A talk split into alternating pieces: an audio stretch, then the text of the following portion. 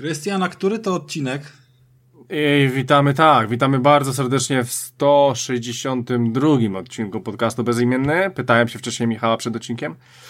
E, słuchajcie, standardowo za pierwszym mikrofonem będzie Krystian Kejonder, a ze mną w studiu będzie również Rafał Radomyski. Cześć wszystkim.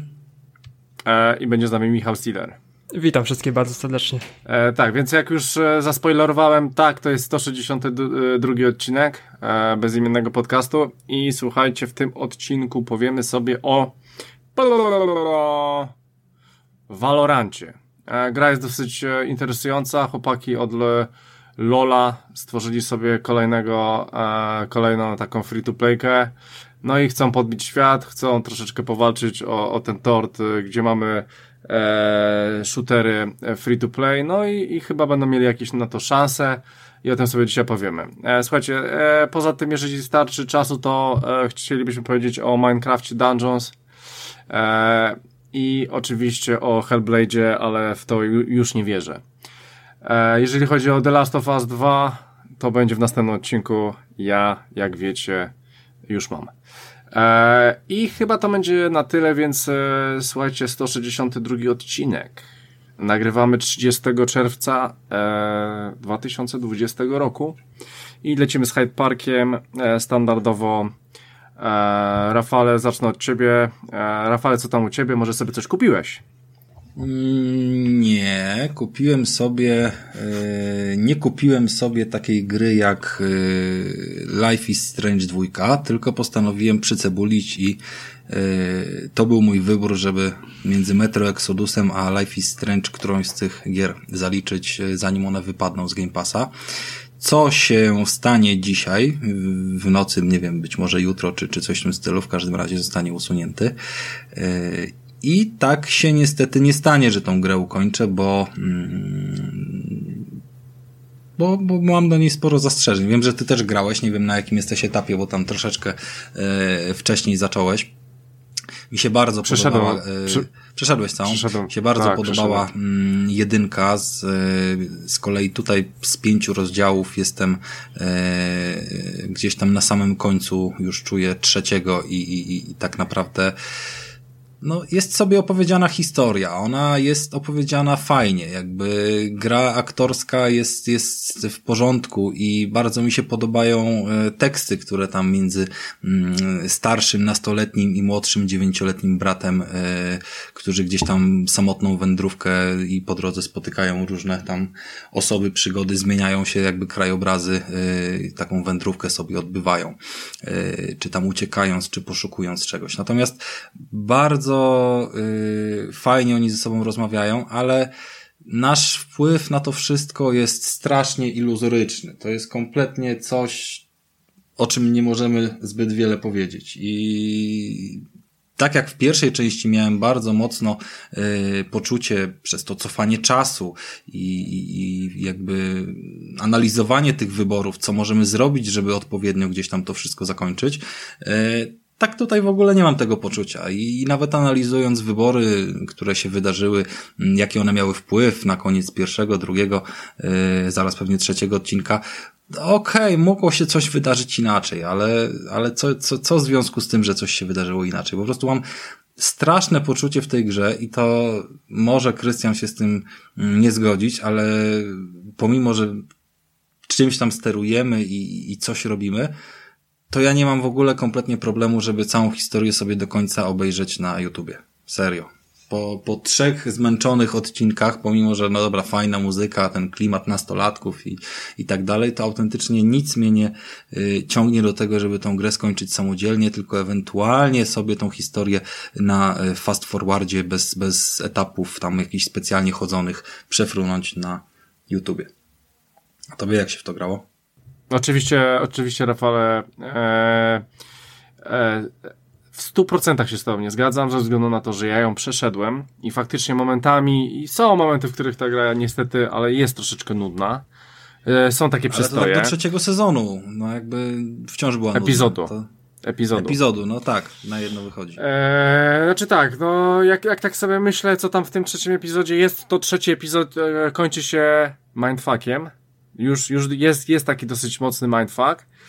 E, no i czwarty to pamiętam, piąty jest też mocny. W, w ogóle końcówka jest bardzo mocna. Jeżeli tak, jeżeli ale, słuchaj, chodzi o te te twoje... twierdzę, ale No. to nie chodzi o to, że wiesz, że, że wydarzenia w tym zawarte, historia sama w sobie jest spoko i jest świetnie opowiedziana. Nie, nie będę rzucał żadnymi spoilerami, bo pomimo, że to jest gra jakaś tam, która nie wszystkich zainteresuje, czy tam raczej historyjka, to jednak yy, jedno, drugie, trzecie mocne wydarzenie, które tam się pojawiło, podejrzewam, że wiesz, o które mi chodzi tam w każdym sezonie, mm, w każdym, w każdym jakby e, epizodzie, owszem, zrobiły na mnie wrażenie i było mi e, realnie przykro, realnie byłem pod wrażeniem i tak dalej, ale to, to nie są rzeczy, na które miałem wpływ, żeby im zapobiec. To są rzeczy, które były wpisane w fabule, a ja mogłem co najwyżej na nie w różny sposób zareagować. I Tak, 90% tak. moich wyborów sprowadza się tylko i wyłącznie do tego, jak prowadzę y, kontakt z moim braciszkiem młodym, czy jestem dla niego dobry, czy go cisnę, czy, czy, czy mu pomagam, czy go kopię w dupę i, i tylko tak naprawdę na tym są jakieś tam, wiesz, wybory powiedzmy ciekawe, nie? Y, Tak, ale dobrze, ale, ale Więc mi chodzi o aspekt w porównaniu do jedynki, że, że tutaj nie zmienia się tak wiele i, i Znaczy, można to dobrze obejrzeć na YouTubie, jako historię. powiem ci, powiem ci Rafale, że ja mam wrażenie, że w stosunku do jedynki w dwójce jest więcej wyborów, które mają wpływ na wszystko. I nie wiem, czy zauważyłeś, coś takiego jak kończysz epizod, możesz sobie zobaczyć procentowo to wszystko, e, twoje odpowiedzi. Oczywiście, analizowałem to. I miałeś też, mogłeś analizować, bo grasz tylko tym, e, e, grasz tylko tym Seanem. Nie grasz Danielem, Dan- Daniel to jest ten e, mniejszy, grasz tylko tym Seanem. Tak, I ten Sean, którym grasz, Mhm. No dobra, no i chodzi o to, że masz, masz pod koniec e, epizodu, jak e, kierowałeś się Seanem i druga opcja, trzy zakładki o tym, jak Daniel, jak wpłynęły twoje decyzje na Daniela, czy był smutny, czy był niesmutny, czy mu dałeś to, czy mu pokazałeś to, czy Ale to, to jest tylko to, to. jakby tyle. No jaki to jest wybór w grze Tak, i jaka okej, to jest no- istotna zmiana, kiedy ja na podsumowaniu widzę, że jemu się podobał prezent, albo jemu się nie podobał prezent, albo zdecydował się pomodlić, albo zdecydował nie pomodlić. To nie ma wpływu na fabułę, bo i tak oni za 5 sekund idą dalej i robią coś innego bez y, jakby konsekwencji tego wyboru, który był wcześniej. Znaczy, te konsekwencje, Rafale, są, są, r- są, są, ale Ja nie jesteś, Ale bardzo nie, nie mało, jesteś ja świadom, może tak.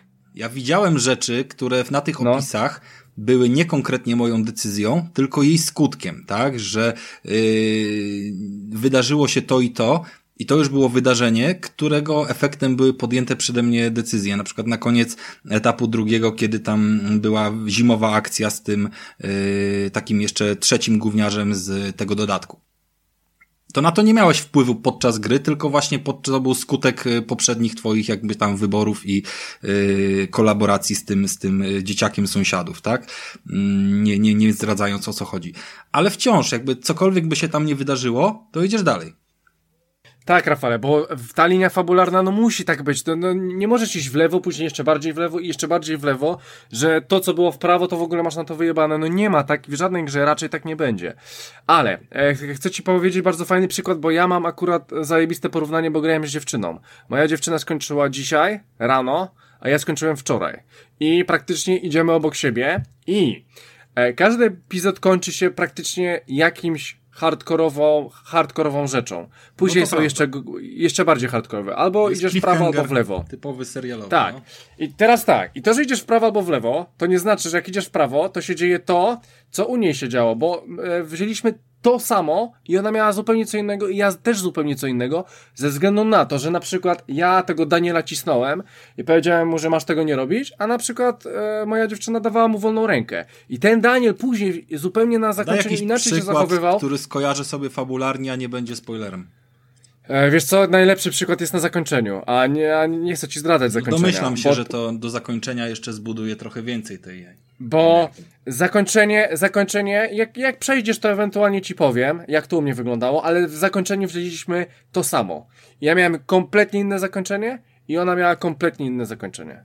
E, i, i, to miało jakiś wpływ e, na to wszystko. Znaczy, na to zakończenie miało wpływ wszystko wcześniej, co robiłem, że go cisnąłem, albo że po prostu kazałem mu robić, co chciał. I, Wiesz co, ja i chyba to bardzo ma, się tutaj... I to zajebiście wygląda później, Rafale. Poza tym, nie, no poczekaj, spoko, poczekaj. No ja sobie dokończę trzeci odcinek, a te dwa ostatnie, które mi tam z Game Passa wypadną, po prostu najwyżej kupię. To są jakieś tam grosze. Eee, jeżeli, jeżeli stwierdzę, że już to dokończę poza, poza YouTube'em. Chociaż na razie jakby dzisiaj już, już nie byłem tak Dobra, tym zainteresowany. e, Ale poczekaj, poczekaj, powiedzieć, że no Until dobra, no. Down yy, Soniakowe No. było pod tym kątem, no właśnie to, co mówisz, że takich gier nigdy nie będzie. No, nie zapominajmy, że tam było chyba, nie wiem, dziesięciu czy, czy, czy tam iluś, czy dziewięciu uczestników tej y, wycieczki w góry i mogłeś w dowolnej konfiguracji z, zakończyć grę, że wszyscy przeżyli, wszyscy zmarli i, i, lub dowolna ich ilość przeżyła i zmarła i to też wpływało bardzo mocno na, mm, na całokształt tej historii, nie?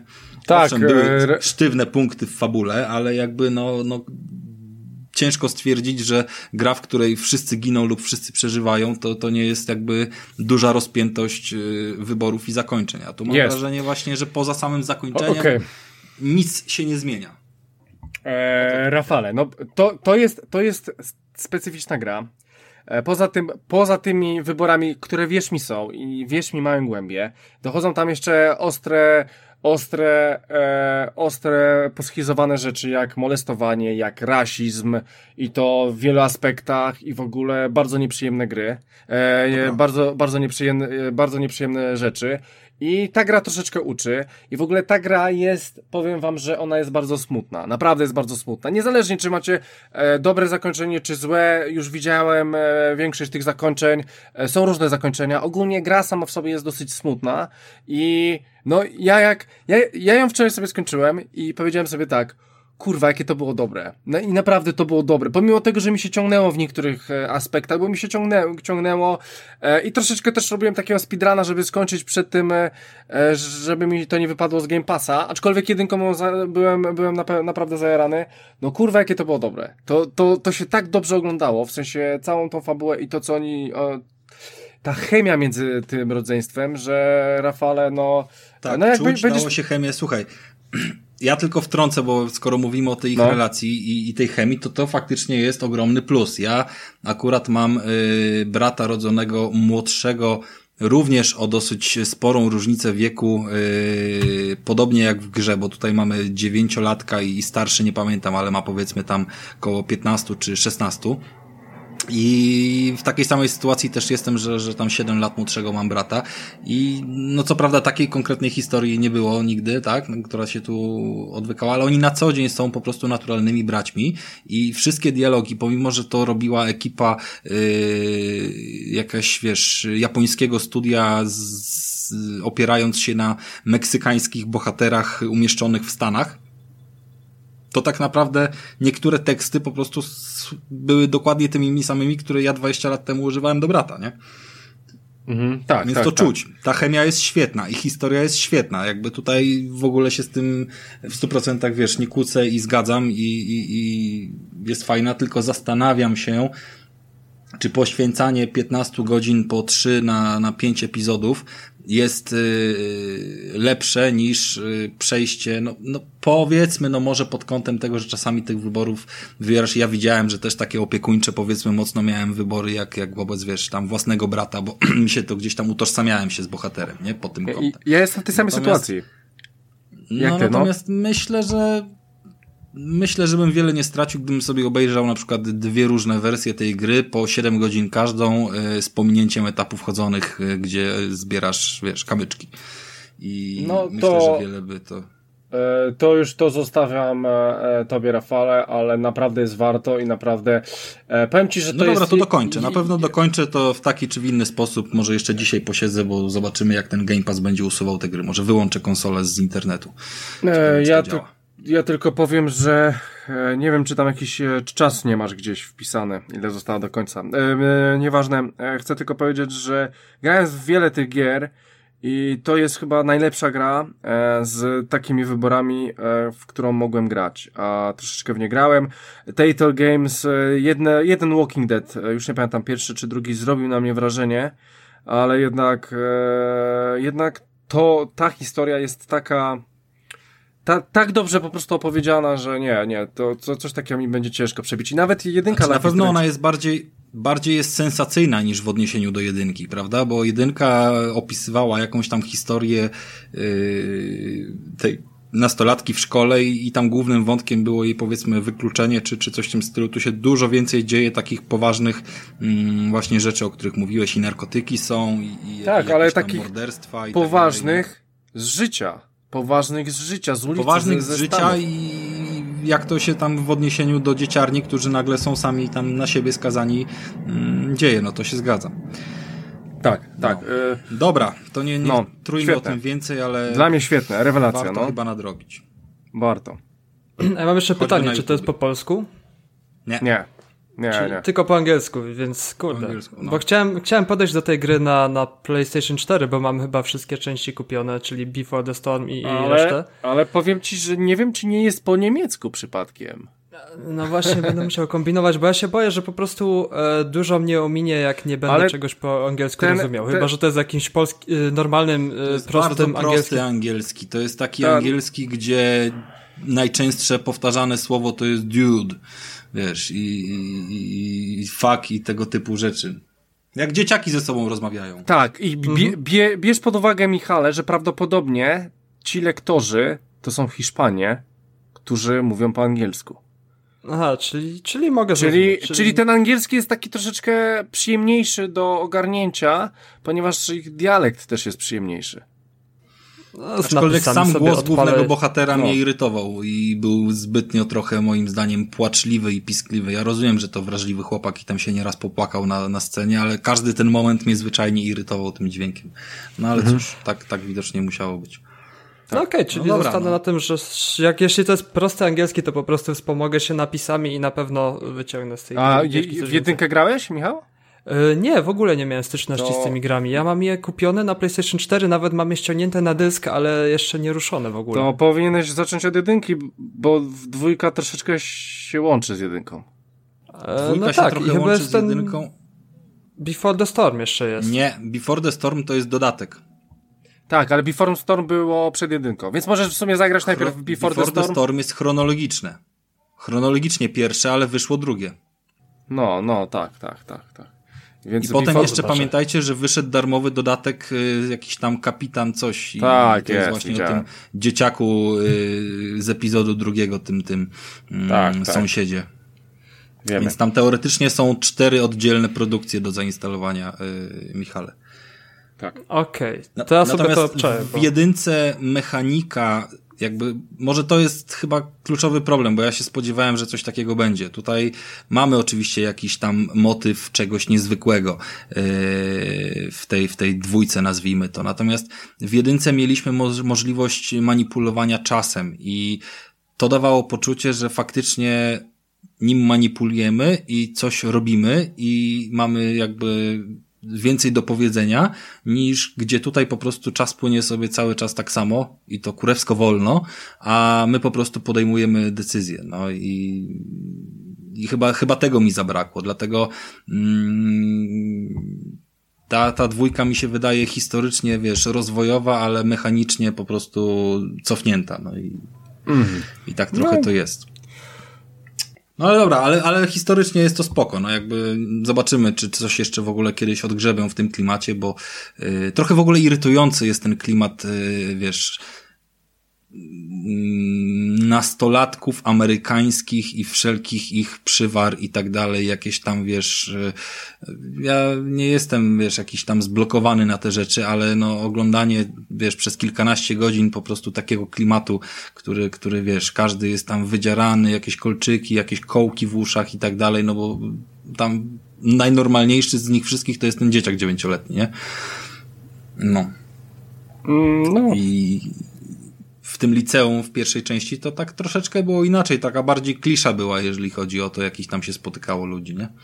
Można było no tak, tak, różne tak, rzeczy tak, tak, tak, tak, tak, to trzeba się zgodzić. Spojrzeć tak. i pocho pochodzić sobie po, po tej szkole i pogadać sobie w losowy sposób z tymi ludźmi, więc yy, no jakby to pole dowolności było inne. Tutaj nawet nie możesz w odwrotnej kolejności zrobić czynności. Masz jedną rzecz do zrobienia w danym momencie i, i koniec. Masz swój wielki plecak, w którym wozisz od groma rzeczy, jest twoim ekwipunkiem i z niego w ogóle nigdy nie korzystasz, więc jakby to takie jest wszystko trochę na wydmuszkę, nie? Czy mapa, czy cokolwiek, no są to rzeczy, które są ci kompletnie niepotrzebne, ktoś się namęczył, żeby je zrobić i, i, sprawiają wrażenie, jakby po prostu nie były wykorzystane i, i ktoś gdzieś uciął parę pomysłów, żeby rozwinąć. No tak, ale to, ale to, yy, ale z, z, z, powiem taki malutki spoiler, spoiler, on nie, nie jest jakiś ogromny, w sumie taka popierdółka. E, mamy tam e, w dwójce taką opcję, że idziemy na imprezę i się przygotowujemy do tej imprezy. I co z lodówki wyjęłeś, Rafale, pamiętasz?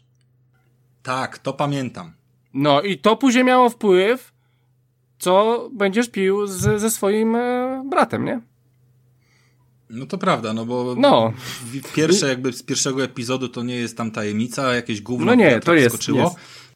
I ty z tym plecakiem, który był przygotowany na imprezę, gdzie jakieś tam miałeś wybory, czy zabierzesz chipsy, czy zabierzesz ciasteczka, czy romniesz piwo, czy romniesz e, soki, mm, potem lądowałeś w na imprezę idąc, tak?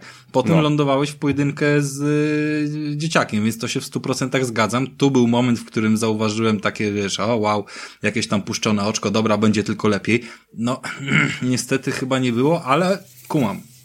No, więc e, tutaj, Dobra, to tu, tutaj dalej ten, ten przykład, tak. E, to Michał, to ja teraz. Dawaj, e, zachęc zachęciliście naprawdę, żebym ograł Life Strange i chyba. No grzech, grzech nie, nie zagrać jak mam kupione i mam na dysku. Dokładnie. Ale w co zagrałem to było Stadio Wally. Wróciłem do jednej z mojej ulubionej gry farmerskiej, która jest y, takim klonem Harvest Moona, to jest chyba złe słowo. Po prostu jest takim grą typu Harvest Moon.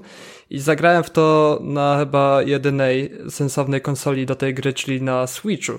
E, grałem w tą gierkę i nie jestem sobie w stanie przypomnieć, ale chyba już trochę mówiłem, że, że grałem Stadio Wally e, e, na podcaście już kiedyś ileś odcinków wstecz. Grałem na PlayStation 4, grałem na PC, no i teraz przyszła e, kolej na Switcha. Do tej gry mam bardzo wielki sentyment, bo czytałem historię w, w jednej z książek o, o, gierkach i tak dalej, o produkcji gier, o tym chłopaku, który stworzył tą grę i tworzył tą grę zupełnie samemu, jako jedna osoba, ryzykując wszystko, co, co miał chyba, bo, bo już stoczył się do takiego poziomu, że dziewczyna już musiała go utrzymywać i, i sprzedawała tam bilety w kinie, żeby były jakieś pieniądze, a on po prostu siedział przed kąpem i, i ciosał po prostu jak, jak drwal w drewnie, pracował na tą grą i wszystk, wszystkiego, wszystko robił w tej grze samemu i, i, i wszystkie asety graficzne, wszystkie pixel arty, e, rozmowy, fabułę, całe mechaniki, wszystko tworzył y, zupełnie sam ten facet, więc mam dla niego e, ogromny szacunek i e, bardzo wielki sentyment do tej gry. No i okazuje się, że Switch jest idealną po, y, konsolą pod tą, pod tą gierkę, bo Stardew Valley jest taką no, grą farmerską. Harvest Moon, jaki jest, każdy wie. E, mamy tam różne nasionka, mamy e, miasteczko, mamy zwierzątka, po prostu podlewamy sobie, sadzimy, ścinamy, zbieramy surowce, zbieramy sobie jakieś patyki, kamienie, rozbudowujemy swoją farmę, spotykamy się z mieszkańcami, gdzieś tam e, zdobywamy sobie respekt u mieszkańców. W Stadium Wally jest opcja wejścia do jaskini i walczenia po prostu z potworkami, gdzie można sobie wydobyć jakieś surowce, które można rozkminić u, u kolesia, który się zajmuje takimi takimi surowcami e, wydobytymi z jaskiń jest naprawdę co robić i Switch jest idealną konsolą do tego, bo ta gra po prostu dzieli się na dni, że, że robimy, idziemy spać. Zaczynamy nowy dzień, mamy jakiś plan na ten dzień, zrobimy, idziemy spać. I w Switchu jest to zajebiste, że można po prostu leżąc na kanapie i, i mając chwilę, czy tam gdzieś się, się, stoi w autobusie, czy siedzi w autobusie, po prostu gdzieś się jest, gdzie się ma po prostu Switcha ze sobą, żeby po prostu na szybko tą grę na te 5 minut y, włączyć i, i sobie zrobić taki jeden czy dwa dni gdzieś w drodze. Y, bo jakoś odpychało mnie na PlayStation 4 czy na PC, że ta gra musi się po prostu włączyć i tak dalej, żeby po prostu wejść w ten świat i jak już włączyłem, to czułem potrzebę, żeby po prostu dłużej posiedzieć nad tą grą, a na Switchu mam po prostu e, odpalam ekranik, zrobię sobie jeden, dwa dni, gaszę, odkładam i wracam do, do po jakimś czasie, znowu zrobię sobie dwa dni, wiem gdzie jestem, wiem, wiem co mam w planach, wiem co zrobić i w Switchu sprawia się to idealnie.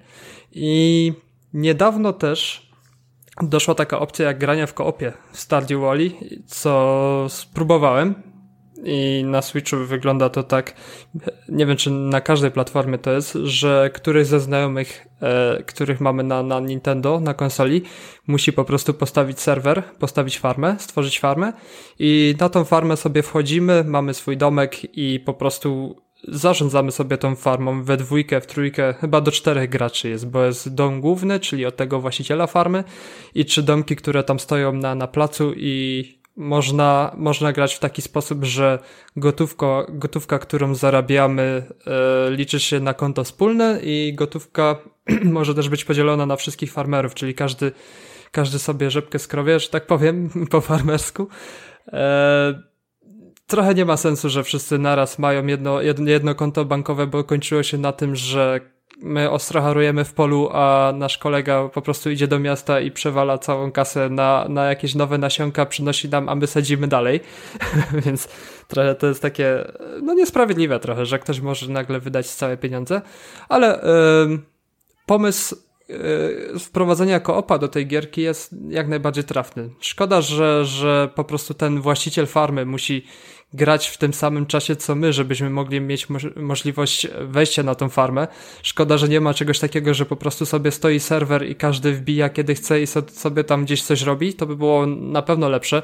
No ale wiadomo, infrastruktura sieciowa w tej grze by musiała być chyba trochę lepiej zrobiona i tak dalej, żeby to wszystko funkcjonowało, więc pozostało tak jak jest, w ten sposób działa. E, jeśli chcemy grać online, to po prostu umawiamy się na daną godzinę, na dany dzień. Ej, słuchaj, o 18 odpal nam, nam naszą farmę, gramy, gramy na farmie, więc, więc działa, ale mogłoby być to lepsze i naprawdę Stadio Valley jest kto jeszcze w ogóle nie grał w tę grę, ta gra chyba wyszła na wszystkim, jest na PC, na, na, na, na wszystkich chyba konsolach, nawet na PS Vicie jest, więc e, naprawdę polecam z całego serca, jeśli ktoś lubi takie rozmułkowe gry farmerskie, bo ta gra, mimo że jest malutka, to jest w niej ogrom pracy i są questy i jest naprawdę e, roboty na, na dziesiątki godzin i po prostu jest mega, mega rozbudowany. Za te parę euro czy tam złotych może naprawdę mieć yy, kawał dobrej gry.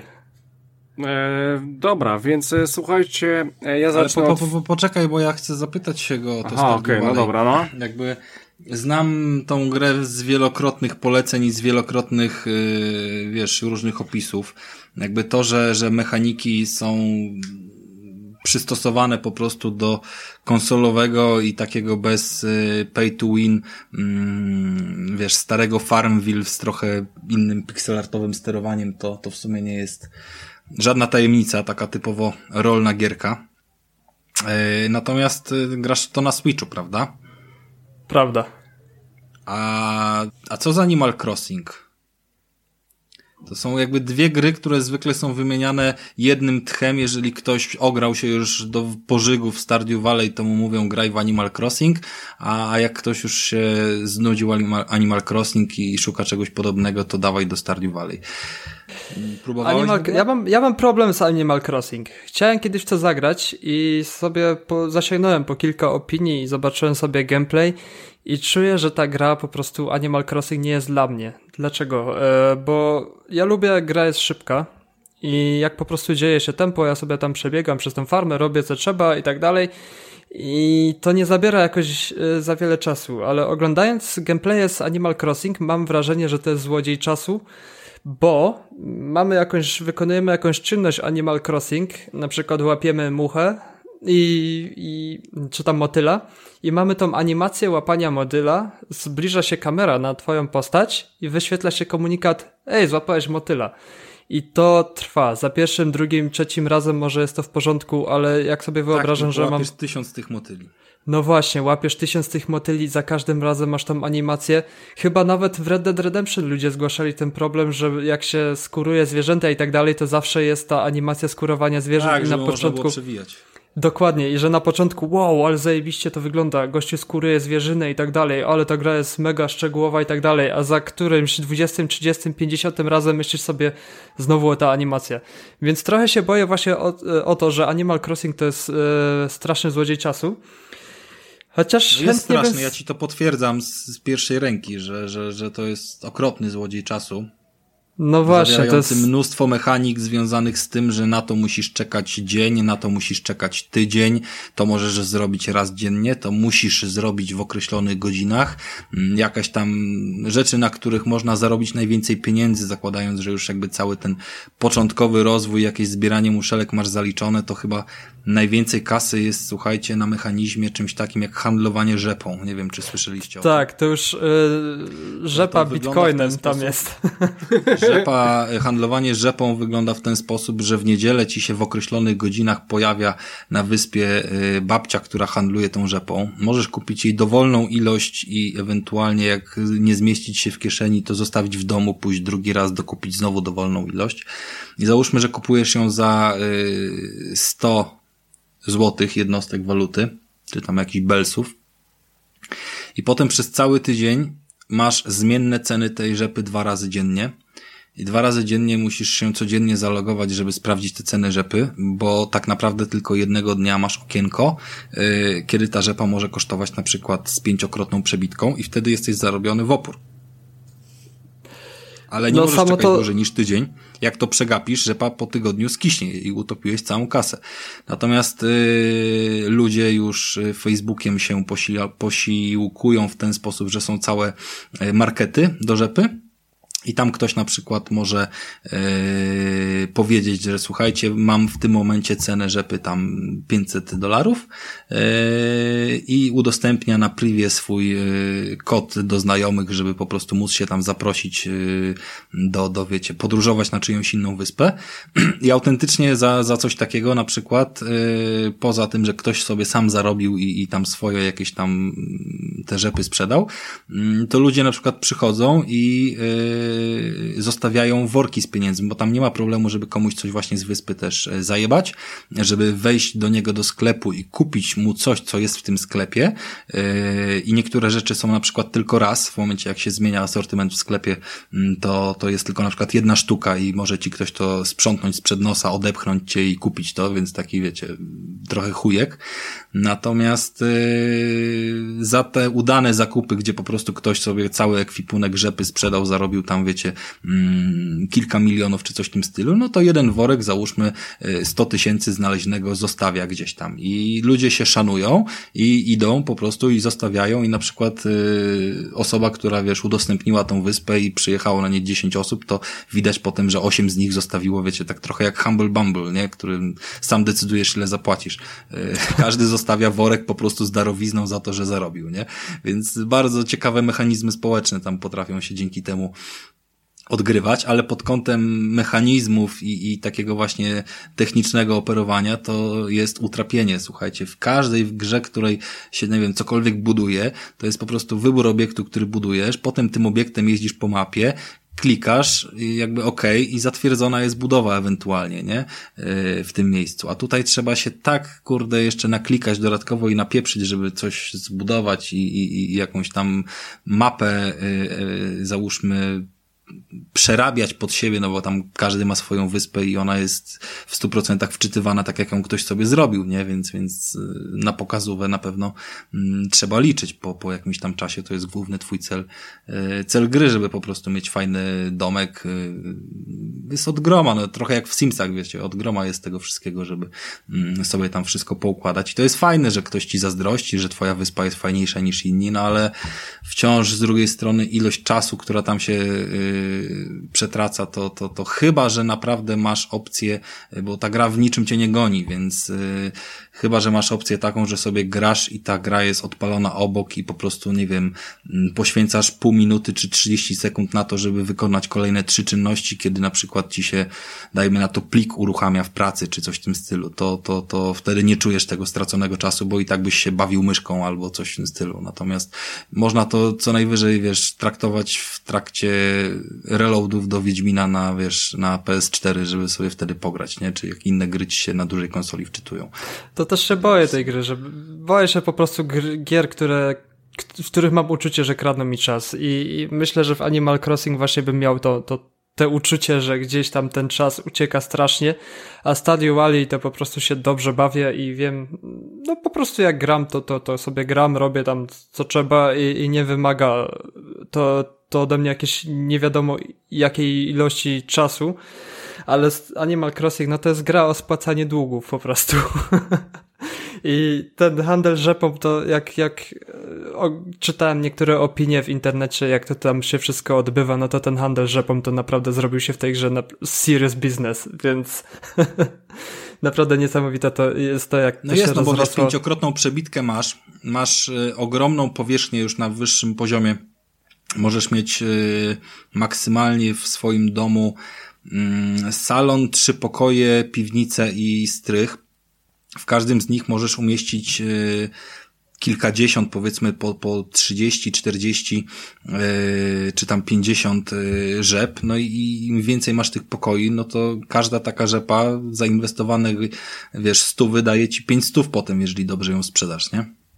Więc to są naprawdę wycieczki w kółko to samo, no bo masz ograniczony ekwipunek i, i tak dalej. Takie trochę, wiesz, e, death trending się robi wtedy. Mm, no ale, ale kasa jest wtedy solidna zarobiona, no, tylko no, wciąż ograniczone są moim zdaniem możliwości jej wykorzystania. Zobaczymy, no jakieś tam nowe, mm, zaplanowane są dwie aktualizacje na, na lato, więc, więc może tam coś faktycznie, jakieś ciekawe mechaniki dojdą, bo w pierwszej aktualizacji, która teraz jest newsem, jeśli ktoś gra, jeszcze nie czytał, będzie możliwość eksplorowania e, wody dookoła tej wyspy, pływania i ewentualnie nurkowania z niej jakiś tam głupot. Natomiast Natomiast chyba to, co jedyne potrafi wynagrodzić ten poświęcony czas, to jest to, że ta gra jest po prostu zwyczajnie e, słodka i tak jak magią Pokémonów jest to, że, że masz funkcję, gdzie sobie możesz bawić się ze swoim zwierzaczkiem Pokémonem i go tam miziać po brzuszku dzięki dotykowemu ekranowi i on się cieszy albo nie. E, no, no, tak wyglądają gry na Nintendo w dużej mierze i, i to jest powiedzmy dla niektórych duży plus tej gry, że ona po prostu przez to relaksuje, nawet jeżeli tego czasu trochę mm, zabiera, a to Stardew Valley w tym porównaniu wychodzi jako tak mocno yy, dużo więcej akcji i, i finansów po prostu typowo rozgrywką do których, na które musisz czas poświęcić i swoją energię i gdzieś tam pokombinować, niż, niż po prostu zwyczajnie naklikać się. No dobra, no to to nie jest w takim razie prosty wybór. No ale w... nie czuję, żeby mnie Animal Crossing czymś mogło kupić. może kiedyś, jak, jak wpadnie gdzieś tam w przecenę albo coś, to chociaż takie gry z Nintendo mało kiedy są w przecenie. E, jakby tak gdzieś spadło cenowo, bo nie chcę dawać na razie 60 euro za, za Animal Crossing, ale jakby spadło, to może bym sobie przetestował. Nie miałbym wtedy wyrzutów sumienia, jest... że odłożyłem płacąc full price'a. Słuchaj, a czy na Switchu, bo na Xboxie na pewno jest coś takiego i to jest z Game Passa i ja to mam zainstalowane, tylko jeszcze mm, nie, nie odpalałem. Gdzieś tam się po prostu kreator postaci zawiesił i koniec i nie włączyłem sobie tej gry, ale ona w zamyśle ma być dosyć e, podobna. Nie wiem, czy właśnie na Switchu też jej nie ma. Mm, My Time at Portia, tak to się chyba nazywało i to jest też podobno właśnie taki powiedzmy klon Animal Crossing gdzieś tam na podobnych mechanikach yy, oparte. Tytuł mi coś... was tą grę? E, tytuł już gdzieś słyszałem, ale nie mam pojęcia o czym to jest. Możesz wolę powtórzyć? Mind Time at Portia. Nie, nie, nie. Ja kompletnie nie wiem o, o czym ty do mnie mówisz. No dobra, to posprawdzamy. No to Krystian, kontynuuj. No dobra, no to w takim razie ja, słuchajcie, no to ja zacznę od filmów i wrzucę od razu tutaj swoje dwa filmy, więcej nie będę o, o, o tym mówił. E, pierwszy film, który wam jak najbardziej polecam jest na HBO Go, to jest Na ringu z rodziną, czyli Fighting with My Family. Wyobraźcie sobie e, jakieś tam e, lata 20 wstecz.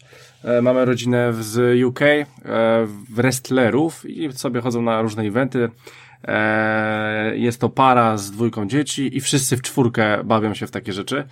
No i wyobraźcie sobie, że dzieci dostają jakąś tam możliwość pojechania do Stanów na WWE i reprezentowania i e, możliwość dostania się do tej federacji. No i, no i, i o tym mniej więcej jest ten film. Film jest świetną komedią, gra tam od groma różnych aktorów, jest nawet The Rock, który gra The Rocka, żeby było śmiesznie.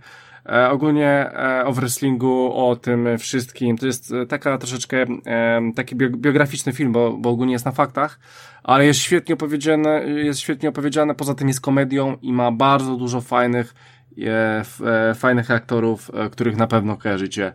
E, jest ich e, naprawdę sporo. E, jak najbardziej polecam. I słuchajcie, w sobotę, dokładnie w sobotę, na Kanał Plusie wjechał ostatni Terminator, którego nie obejrzałem i którego sobie obejrzałem właśnie w ostatnią sobotę. I powiem wam, że mm, to jest dla mnie po prostu rewelacja. Ja po prostu uwielbiam Terminatory, uwielbiam Schwarzeneggera i, i, i po prostu on mi się tam sprawdza idealnie. To jest, to jest dzieciak, który po prostu nie jest on, nie jest on zbyt dobrym aktorem, ale jak stoi i mówi te swoje, e, jest, e, mamy 13% szans na przeżycie i, i mówi to tak jak Terminator, no po prostu on mnie w tym rozpierdala. I w tym filmie też mnie rozpierdala, mimo tego, że pojawia się dopiero w połowie. E, no, robi, robi robotę, nawet jak go zbyt dużo nie ma, dalej jest świetny. E, jeżeli chodzi o film, no to standardowo e, pojawiają się dobry Terminator i zły Terminator, w skrócie, w, e, i po prostu gonitwa, tak? Z tym, że tutaj troszeczkę jest inaczej, bo to w sumie już nie są troszeczkę, nie są za bardzo Terminatory, tylko, tylko pojawia się kobieta z szczepami, która jest człowiekiem z przyszłości i no i tutaj taki e, hardkorowy robot. E, świetna. Oczywiście cały ten motyw e, silniejszego niż słabszego e, jest rewelacyjny. No i słuchajcie, no, no dwie godzinki pyk, o kurczę, już koniec, ale szkoda, już pewnie nigdy nie zobaczę Ar Ar Arniego. No i oczywiście Sarah Connor wraca. E, na początku jest troszeczkę e, takie małe streszczenie, co było wcześniej, więc jeżeli ktoś nie pamięta albo nie oglądał, to spokojnie może wjechać w to. E, no dwójki oczywiście buntu maszyn to nie przebije, nie ma takiej opcji, ale, ale no świetnie się bawiłem, fajnie, fajnie jest wrócić w taką nostalgię. Eee, polecam, jak najbardziej polecam, szczególnie fanom Terminatora. No, no jak wam te jedynka, dwójka po, podobała wam się, może trójka niekoniecznie, to spokojnie możecie brać, bo, bo to jest po prostu to samo, a ja po prostu to samo biorę z miejsca, jeżeli jest to na tym samym poziomie. I tyle ode mnie, jeżeli chodzi o film Rafale. A znalazłeś, a gdzie jest dostępne, tak z ciekawości, jakaś ostatnio platforma? Nie, nie, nie, nie, mówię, Kana Plus, Kana Plus, więc e, okay. Na HBO na pewno to nie wejdzie. Nie, to, to, gdzieś tam mam sobie właśnie na HBO zaplanowane, że, że gdzieś tam trafię. To obejrzę. E, tak, tylko że na HBO nie będzie, bo jeżeli jest na Kanal Plusie, to na HBO już nie ma, bo oni mają inne wytwórnie, Rafale, oni, oni się, wiesz, uzupełniają, więc jak masz jedno, to nie, nie masz drugiego i odwrotnie. Mm, no ale Kanal Plus nie ma VOD żadnej, nie? Ma, ma VOD. Właśnie wjechało tydzień albo dwa tygodnie temu VOD Kanał Plus. O proszę. I masz, macie właśnie VOD. Wiem, że to jest dostępne w Polsce, u mnie chyba przez VPN nie przejdzie. Zresztą ja nie potrzebuję, bo sobie i tak e, nagrywam to, co chcę i po prostu sobie ustawiam, z, zawsze sobie patrzę, co, co wjeżdża i sobie ustawiam, ale jest. Możesz się tym zainteresować, bo jest kanał plus VOD od bodajże dwóch czy trzech tygodni. No, więc e, Rafale, co tam ty jeszcze ogarniałeś? Eee, b, b, b, b. No Spidermana ogarniałem, to mi zajęło najwięcej czasu. Po, po tych wszystkich tam cudownie świeżo zakupionych nowych yy, i mniej nowych różnych gierkach. Yy, skończyło się na tym, że zainstalowałem dodatki do Spidermana. Yy, tak mnie gdzieś tam tknęło po, po, po, po kupnie, yy, znaczy po no w sumie kupnie, no w sensie, że kupiłem to PS5, które y, Sony próbowało sprzedać na tej prezentacji ostatniej. No i tak mnie kupiło, że, że przecież kupiłem Ratcheta, kupiłem The Last of Us, kupiłem Days Gone i, i jeszcze dodatki do Spidermana, żeby po prostu powciągać jak najwięcej tego tematu, zanim będzie za późno, żeby się przygotować. Y, no i wciągnąłem te dodatki do Spidermana. E, fakt faktem, że ja tam polizałem wszystkie ściany i zrobiłem wszystko na 100%. E, tam uzupełniłem chyba w fabule jakieś 10% jeszcze rzeczy, które po platynie, nie, pomimo jakby poczyściłem sobie też na 100%. Natomiast to się robi tam przyjemnie, no jeżeli ktoś lubi ganiać po tym mieście, bujać się na linie i to mu sprawia frajdę, to, to wiecie, to i misje nawet nie były potrzebne za specjalnie do tego, żeby, mm, żeby to robić. I w gruncie rzeczy one nie były krótkie, to były trzy oddzielne historie, na każdą się składały jakieś tam rozciągnięte na kilka etapów. Właśnie główna misja fabularna plus jeszcze misja poboczna i do tego jakaś tam partia aktywności dodatkowych. Y, co ważne, te aktywności, no wiadomo, typowe bójki to były bójki, jakieś tam zdobywanie Yy, znaczy tłuczenie kolejnych wrogów w taki czy w inny sposób, ale były też całkowicie nowe wyzwania przez całą tą serię. To była taka jedna z misji pobocznych. Mm, I to było fajne, bo, bo, bo sprowadzało się do E, krótko mówiąc, jakiejś tam streamerki czy youtuberki, która e, zostawiała dla nas e, konkretne zadania na, na punkty, co miało jej tam podbijać oglądalność. I to było w porządku, bo tam sobie mogli twórcy pozwolić na troszeczkę takich ciekawych yy, zabaw w, w odniesieniu do tych poprzednio yy, tak bardzo na poważnie traktowanych yy, wyzwań. One się sprowadzały no, wciąż do tego samego, czyli y, sprawności w biciu się i, i poruszaniu ewentualnie tym pająkiem, co, co nie dla każdego musi być y, super ekstra y, łatwe i wygodne. Bardzo długo mi zajęło w ogóle nauczenie się na nowo sterowania tym pająkiem. Dopiero przy trzecim dodatku tak naprawdę miałem poczucie, że, że wróciłem do tego poziomu już, który zapewniał mi jakąś tam w miarę wysoką sprawność ruchową. Yy, którą, którą wcześniej osiągnąłem. Natomiast pomysłów bardzo było dużo fajnych na tych wyzwaniach, bo, bo było na przykład nieskończona ilość yy, dwóch konkretnych gadżetów i punkty zdobywane tylko za wykorzystanie obydwu z nich, czyli na przykład porażenie prądem, tam jest taka sieć, yy, która, która razi prądem jako jeden z gadżetów, a druga to było coś innego, chyba pułapka pajęcza, no nieważne, jakby chodziło o to, że musisz wykorzystać e, dwa z nich, żeby gdzieś tam tłuc i one ci się non-stop odnawiały, więc mm, całkowicie jakby przez takie wyzwania się, wiesz, rozgrywka zmieniała, bo, bo uczysz się cały czas czegoś innego i one są jakimś tam wsparciem, a nie główną bronią, więc y, całkiem ciekawe rzeczy z tego wychodziły. No i historia w sumie też mnie zaskoczyła, biorąc pod uwagę jakieś tam y, wątki fabularne, cliffhangery, y, niedopowiedzenia, zaskoczenia. Nie, nie, nie powiem, że to była jakaś taka wydmuszka, ale na pewno nie był to taki pełny standalone jak, jak Zaginione Dziedzictwo, które swoją drogą też kupiłem i na pewno pewno obcykam już niebawem. E, no, więc Spider-Man myślę, że po, po, po tym jak podstawka to było jakieś 30 godzin z, z wyczyszczeniem gry do platyny, no to myślę, że e, na to jakieś 15, jak nie 20 poświęciłem też i biorąc pod uwagę, że cztery dychy za cały ten dodatek w tym momencie poszło na PSN-ie, to, to jest całkiem spoko. Jestem mega nakręcony na, Moralesa, który wiedzie już pełną parą na piątce. No i kto dalej? E, Michał? Um, też zabrałem się za nadrabianie trochę klasyków z PlayStation, e, bo pojawiła się ostatnio prezentacja konsoli PlayStation 5 i pojawił się nowy Horizon, więc postanowiłem bez żadnych oczekiwań sięgnąć po tego starego Horizona, który wyszedł na PlayStation 4 starego. Z 2017 chyba była premiera Horizon Zero Dawn. E, czyli gierki od twórcy Guerrilla Games, e, kolesi od Killzona, więc nie wiedziałem czego się spodziewać, nie miałem żadnych w ogóle oczekiwań, nie liczyłem, że ta gra zerwie mi czapę z głowy i tak dalej. I jestem nawet pozytwnie zaskoczony tą grą. E, jestem dopiero po 10 godzinach i te 10 godzin naprawdę płynęło mi na dwóch posiedzeniach, co mi się rzadko zdarza, że, że siedzę przy jednym tytule dłużej niż dwie godziny. Więc y, gierka musi mieć coś sobie. I od razu skojarzenia, jakie miałem z Horizonem, to jakbyś się spotkał God of War e, z Wiedźminem i to z prawda, Asasynem. To jest mocny miks tych wszystkich. Dialogi są mocno inspirowane y, Geraltem. Tak. Y, dużo jest rozgrywkowych tematów z Asasyna, no i, i potłucz. Chociaż chyba mm, chyba bardziej God of, War, God of War jako wrażenie graficzne, które sprawia, a rozgrywkowo bardziej Assassin. Dokładnie. E, God of War mi się Dokładnie. God of War mi się skojarzył z tym, że mieliśmy tam tereny takie zimowe, takie, takie bardzo, bardzo chłodne. I to mi się skojarzyło z God of War'em, że, że mamy taki ciężki, chłodny klimat. E, nie zawsze, bo tam mapa później się Nie, dalej się otwiera. Zmienia, to prawda. No właśnie, y, wchodzimy później w pustynię i w dolinę, więc gdzieś, gdzieś ten God of War się tam zatraca w pewien sposób, ale Wiedźmin y, przypomniał mi z tego, że mamy ten, ten, to urządzenie na uchu. Nie, nie pamiętam dokładnie, jak to się teraz nazywało. No to jest, to które... jest taki...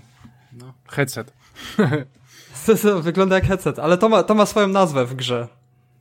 Tak, Cortana. Tylko... Y, no, taki, taki wspomagacz i taki mamy... zmysł, no.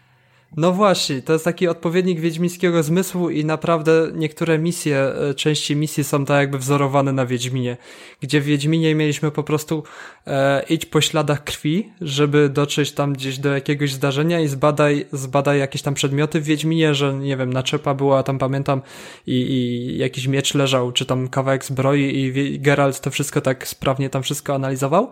No i Horizon e, właśnie z jest bardzo podobnie. Trzeba iść po śladach, później do, dociera się na jakieś e, miejsce i występuje analiza tego miejsca, czyli chodzimy, szukamy jakichś tam, tam podświetlonych rzeczy na tym, na tym urządzeniu i pomaga nam to e, dalej po prostu roz, roz, rozwikłać zagadki, które są w misji, więc to mi się skojarzyło z Wiedźminem. A z Asasynem mi się kojarzyło, bo są te, te duże, kroczące potwory, na które trzeba po prostu wskoczyć, gdzie mamy ten element platformowy, coś jak zdobywanie właśnie e, wież w Asasynie. To chyba kiedyś było, nie wiem, nie wiem jak jest teraz w tych Asasynach najnowszych, ale, to ale kiedyś... Asasyny i Far Cry po prostu styl Ubisoftu, nie? To, to, no dokładnie, i, że trzeba... I, wiesz, każdy to miał. No, dokładnie. Trzeba było rozkminiać, jak tam wejść na wieżę, a tutaj mamy takie wielkiego, kroczącego metalu, e, metalowego zwierza, e, który wygląda po prostu jak żyrafa. On też ma tam swoją nazwę. Nie, nie zwracałem na to uwagi, bo te nazwy są e, w sumie ciężkie do zapamiętania. I po prostu musimy znaleźć miejsce, jakiś pagórek, żeby na niego wskoczyć i, i wskakuje się na niego. Wchodzi się mu na, na samą głowę do góry i się go... E, po prostu się go przejmuje, podbija się go. I gdzieś na tej górze, jak się spiąłem, ok, widoczki są zajebiste, widać całą okolicę, odsłania się mapa, ale po części widać też, że ta generacja, już, już, że już się przyda nowa generacja, bo e, mimo, że... Zło... Ty na prograsz, prawda? Ty masz prosiaka? Nie, ja mam zwyczajne, ja mam tą, tą pierwszą PS4 jeszcze. I myślę, że na Pro właśnie... Ja pamiętam, że, że Horizona widziałem na Pro pierwszy raz na pokazie Sony, tam, który był jakiś w Warszawie organizowany. To była premiera tak naprawdę, wiesz, pierwszy raz pokazane HDR-y, y, Horizon i na specjalnej wersji można było, wiesz, jednym guzikiem wyłączać y, HDR-a podczas gry. No i widać po prostu, ja oglądałem na YouTube jeszcze gameplaye, które były zgrane z konsoli Pro i robiło robotę grafika, ale widać po prostu na PS4 wszystko niby działa płynnie, nie zauważyłem, żeby tam były, żeby, były spadki, spadek klatek czy coś takiego, żeby gra zacięła, ale po prostu widać, że, że jest strasznie ograniczona ta grafika i, i w niektórych momentach po prostu ok, jest ładny widok, mamy ładną panoramę, ale ta panorama nie powala aż tak jak po panorama, która powalała mnie czy w Wiedźminie na wyspie Skellige, czy, czy w God of Warze na, w niektórych momentach. Więc gdzieś tam, gdzieś tam brakuje e, trochę rzeczy, i, ale przymykam w sobie na to oko. Nie jestem jakimś e, wielkim fanem graficznych wodotrysków. Lubię bardziej, stawiam na mechanikę gry, czy, czy, czy rozwój historii i nawet jestem zadowolony. Jak, jak już wspomniałem, nie spodziewałem się wiele. I dostałem fajną historię o wygnańcach z plemienia Nora, czyli, czyli nasza Eloy była wygnańcem. I bardzo fajnie jest potoczona e, historia. Mamy bardzo dużo znajdziek, przez które, e, przez które dowiadujemy się wszystkich, bardzo dużo rzeczy, które, które, które są w tym świecie, czyli, czyli o, o potworach, o ludziach, którzy gdzieś tam byli zabici, ich wspomnieniach i tak dalej. E, bardzo fajnie, bardzo fajnie jest to zrobione, bo czytam po prostu wszystkie, wszystkie notatki, czytam, słucham audiologii, które znajdę, czytam jakieś retrospekcje, więc y, bardzo fajnie mi się to, to zbiera. I bardzo mi się podoba to, jak y, Aloy się porusza, bo, bo jest to fajnie lekko zrobione. Ja nie lubię, jak postać w grach z open worldem jest e, ciężka do sterowania, bo to wpływa na cały ten flow rozgrywki. Miałem problem w Godoworze, że ten e, Kratos tak bardzo ociężale i, i całkiem no ociężale po prostu dla mnie chodził i pamiętam jak e, Geralt przed wszystkimi update'ami, przed wszystkimi patchami, jaką był postacią do rozgrywki, że jak się weszło w sprint i, i chciało się przez wioskę przebiec i uderzyć, wejść do jakiegoś budynku, to był naprawdę czasem problem, żeby trafić w drzwi. Więc z Geraltem miałem naprawdę, nie mówię już o jeździe płotką, gdzie, gdzie to było czasem strasznym, strasznym doznaniem, ale tutaj jest e, bardzo fajnie wyważone. Skakanie, bieganie przez te wszystkie trawy, chowanie się, skradanie. E, bardzo, bardzo dobry flow w tym jest. No i co mnie e, bardzo kupiło w tej grze, to jest walka z tymi mechami metalowymi. Na każdego mecha e, jest oczywiście analiza z tego naszego urządzenia na uchu, czyli można sobie e, obczaić, gdzie są słabe strony potwora, gdzie ma mocne strony, na co jest wrażliwy, na co, na co można go wziąć. I zdarzały się sytuacje, że miałem są takie odpowiedniki tygrysów szablozemnych, takie, takie duże jakby koty i musiałem mhm. walczyć z dwoma naraz i naprawdę musiałem się skupić, musiałem nabrać taktyki.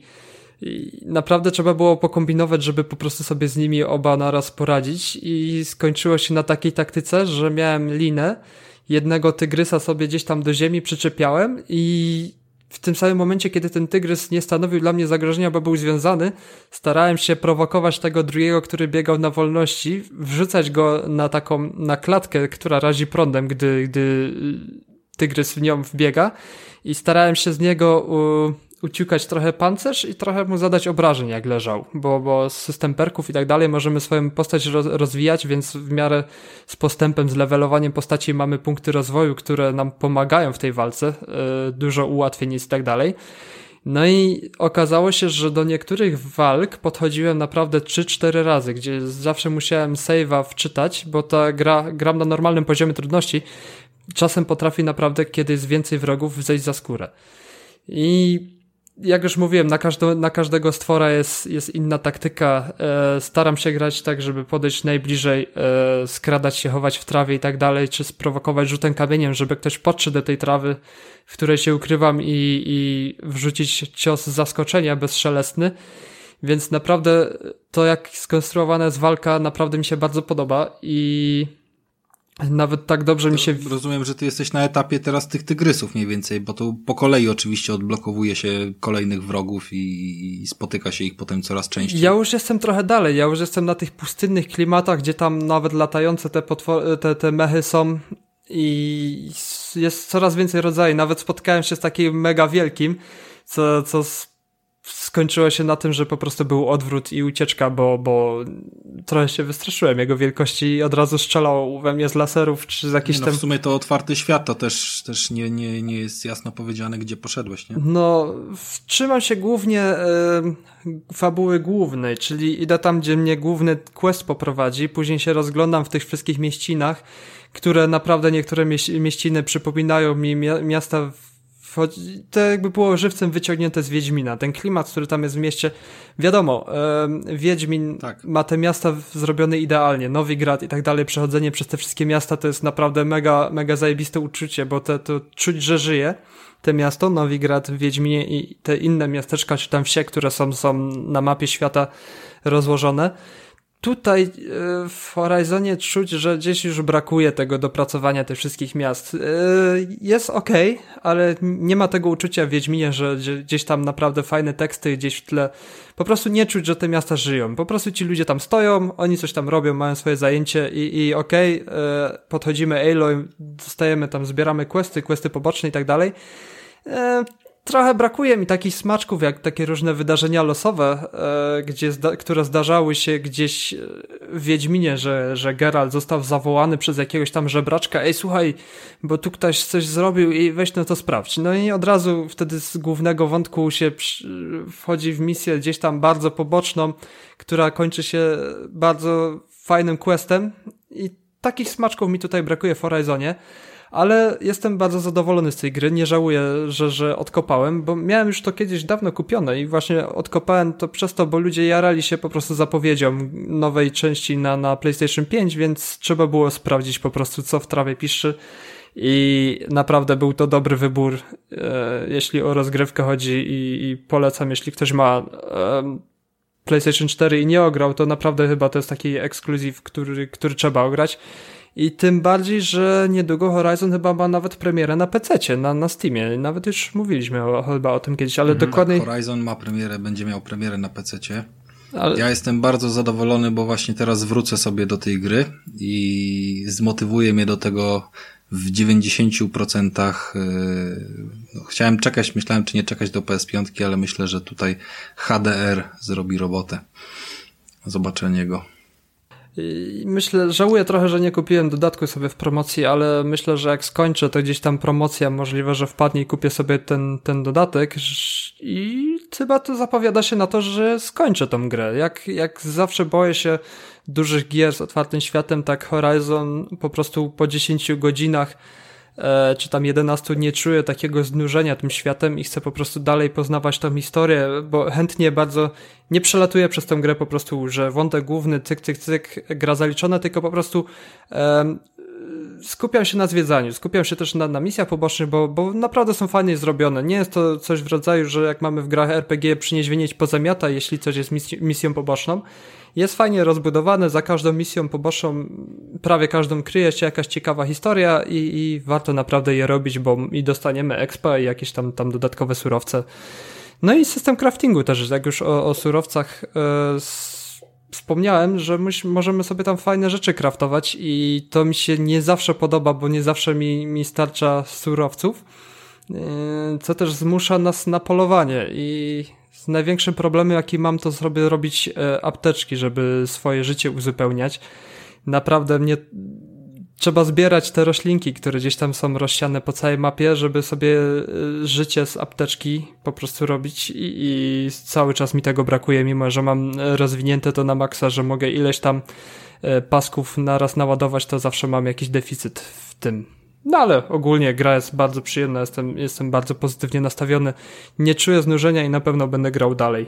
E, ja jeszcze chciałem dopowiedzieć do tego, o czym mówiłeś, e, że wchodziłeś do tego miasta i było tak, tak niby byli ci ludzie, ale, ale byli tak bez sensu. E, ja w ogóle, to, to co teraz nie mówiłeś, to przypomina mi ostatniego Gadowora, w którym, nie wiem czy pamiętacie, ale w każdym świe świecie były te krasnoludy, które sprzedawały wam broń. I ja nie widziałem tam nikogokolwiek, kto by do nich podszedł i kupił broń. I tak sobie nawet pomyślałem, że te krasnoludy sprzedają tą broń chyba tylko i wyłącznie dla mnie, bo dla nikogo więcej. Ale w sumie świat War'a jest tak zaprojektowany, że tam nikogo i tak nie ma. Tam nie ma, nie ma jakichś miast, skupisk ludzi i tak dalej. I ci krasnoludzi chyba rzeczywiście byli tylko dla no nas. Właśnie. Bo... E, to, to takie było śmieszne dosyć. E, dobra, to tylko to chciałem powiedzieć. Słuchajcie, jeżeli chodzi o mnie, jeżeli chodzi o mnie, co ja grałem, no to Life is Strange, tak? To, to, to było grubo to musiałem zrobić speedruna. Rafa mówił 3 razy po 5, czyli 15, no i w sumie mniej więcej tak, tak to wpadło. E, no trzeba było trochę pograć. E, poza tym e, co? coś takiego, co się nazywa Des Descenders. Może Michał wie, co to jest. Descenders. Wspominałeś na naszej grupie, ale nie zdążyłem. Czekaj, Descenders? Tak. To nie jest ta beta, co, co pisałeś? Nie, nie, to nie. Jest to, jest, to jest jazda na... A, to jest tak, to jest ta rowerowa gra. Tak, to jest ta rowerowa tak, gra, tak. tak, nie grałem. Nie, nie grałem. grałeś, myślałem, że grałeś. nie. Bo ty grałeś w to, w to 2D, nie? Takie. Ja grałem w ten, tak, e, Lonely Mountain. Tak, jak tak, to tak. Się nazywało? To, mówiłem o tak, tym. Tak, bo mówiłeś, że ale nawet ty mi wspominałeś, żebym Descendants zagrał. Tak. E, wiesz co, e, odpaliłem sobie, pograłem e, nawet, na, nawet trochę sobie pograłem. E, tak, e, jeżeli chodzi to tak, to, to jest jazda na rowerze po różnych pagórkach, gdzie jej, po prostu macie taki downhill w sumie, można, można powiedzieć, że to jest taki trochę downhill, aczkolwiek nie do końca, bo cały czas nie jest w dół, tylko po prostu jedziecie, jedziecie cały czas e, w sumie po jakiejś trasie z różnymi przeszkodami i po prostu sobie skaczecie, robicie triki. E, I to jest cała opcja. I ma, macie na przykład cztery tereny i na przykład w jednym terenie musicie coś takie, takiego robić i macie na przykład w tym jednym terenie powiedzmy 10 tras. I, I za każdą trasę, jak odblokujecie, dostajecie życie. Jeżeli się przewrócicie, to tracicie życie. Na początku macie trzy życia. Jeżeli przegrywacie, to nie przejdziecie tej, e, tych 10 tras, tylko musicie grać od nowa, więc to jest dosyć ciekawe, że po prostu jak będziecie, e, jak, jak będziecie cały czas przegrywać, to po prostu wszystko musicie grać od nowa. E, takiego podejścia dawno nie widziałem. E, co jest ciekawe i fajne, ale jest niefajne z jednego i prostej, z prostego względu, o którym zaraz powiem. Sama jazda na, na rowerze jest bardzo fajna, graficznie jest to bardzo fajne, muzyka w tle jest, jest, jest nawet w porządku jak do tego typu gry, e, fizyka i daje radę, fajne rzeczy, można sobie kupować e, różne rowery, chyba nie można kupować sobie ich elementów. Wiem, że są rowery, oczywiście siebie, kaski, staw, macie trenerów, oni wam trochę polepszają tą jazdę na rowerze i tak dalej. Ale to aż tak nie jest rozbudowane, nie, nie, nie. E, żebyście się nie pomylili.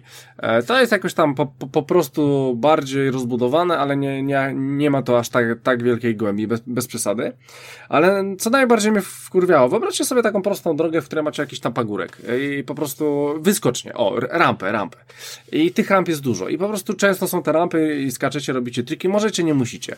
E, najważniejsze jest, żeby przejechać level i wyobraźcie sobie, że że, wie, że wasza trasa jest, jest jest po prostu rozjechana, wiecie gdzie macie jechać, wiadomo, ale możecie sobie zjechać trochę z tej trasy i omijać te wszystkie pagórki i wszystkie rampy, co dla mnie było bez sensu i faktycznie mogę tak robić, mogę każdą trasę tak przejechać, nie tracąc życia, bo później z tych ramp mo można łatwo stracić e, te życie i po prostu mogę sobie całą trasę przejść obok, co po prostu mnie rozjebało i że faktycznie to działa i mogę tak w ogóle całą grę przejść.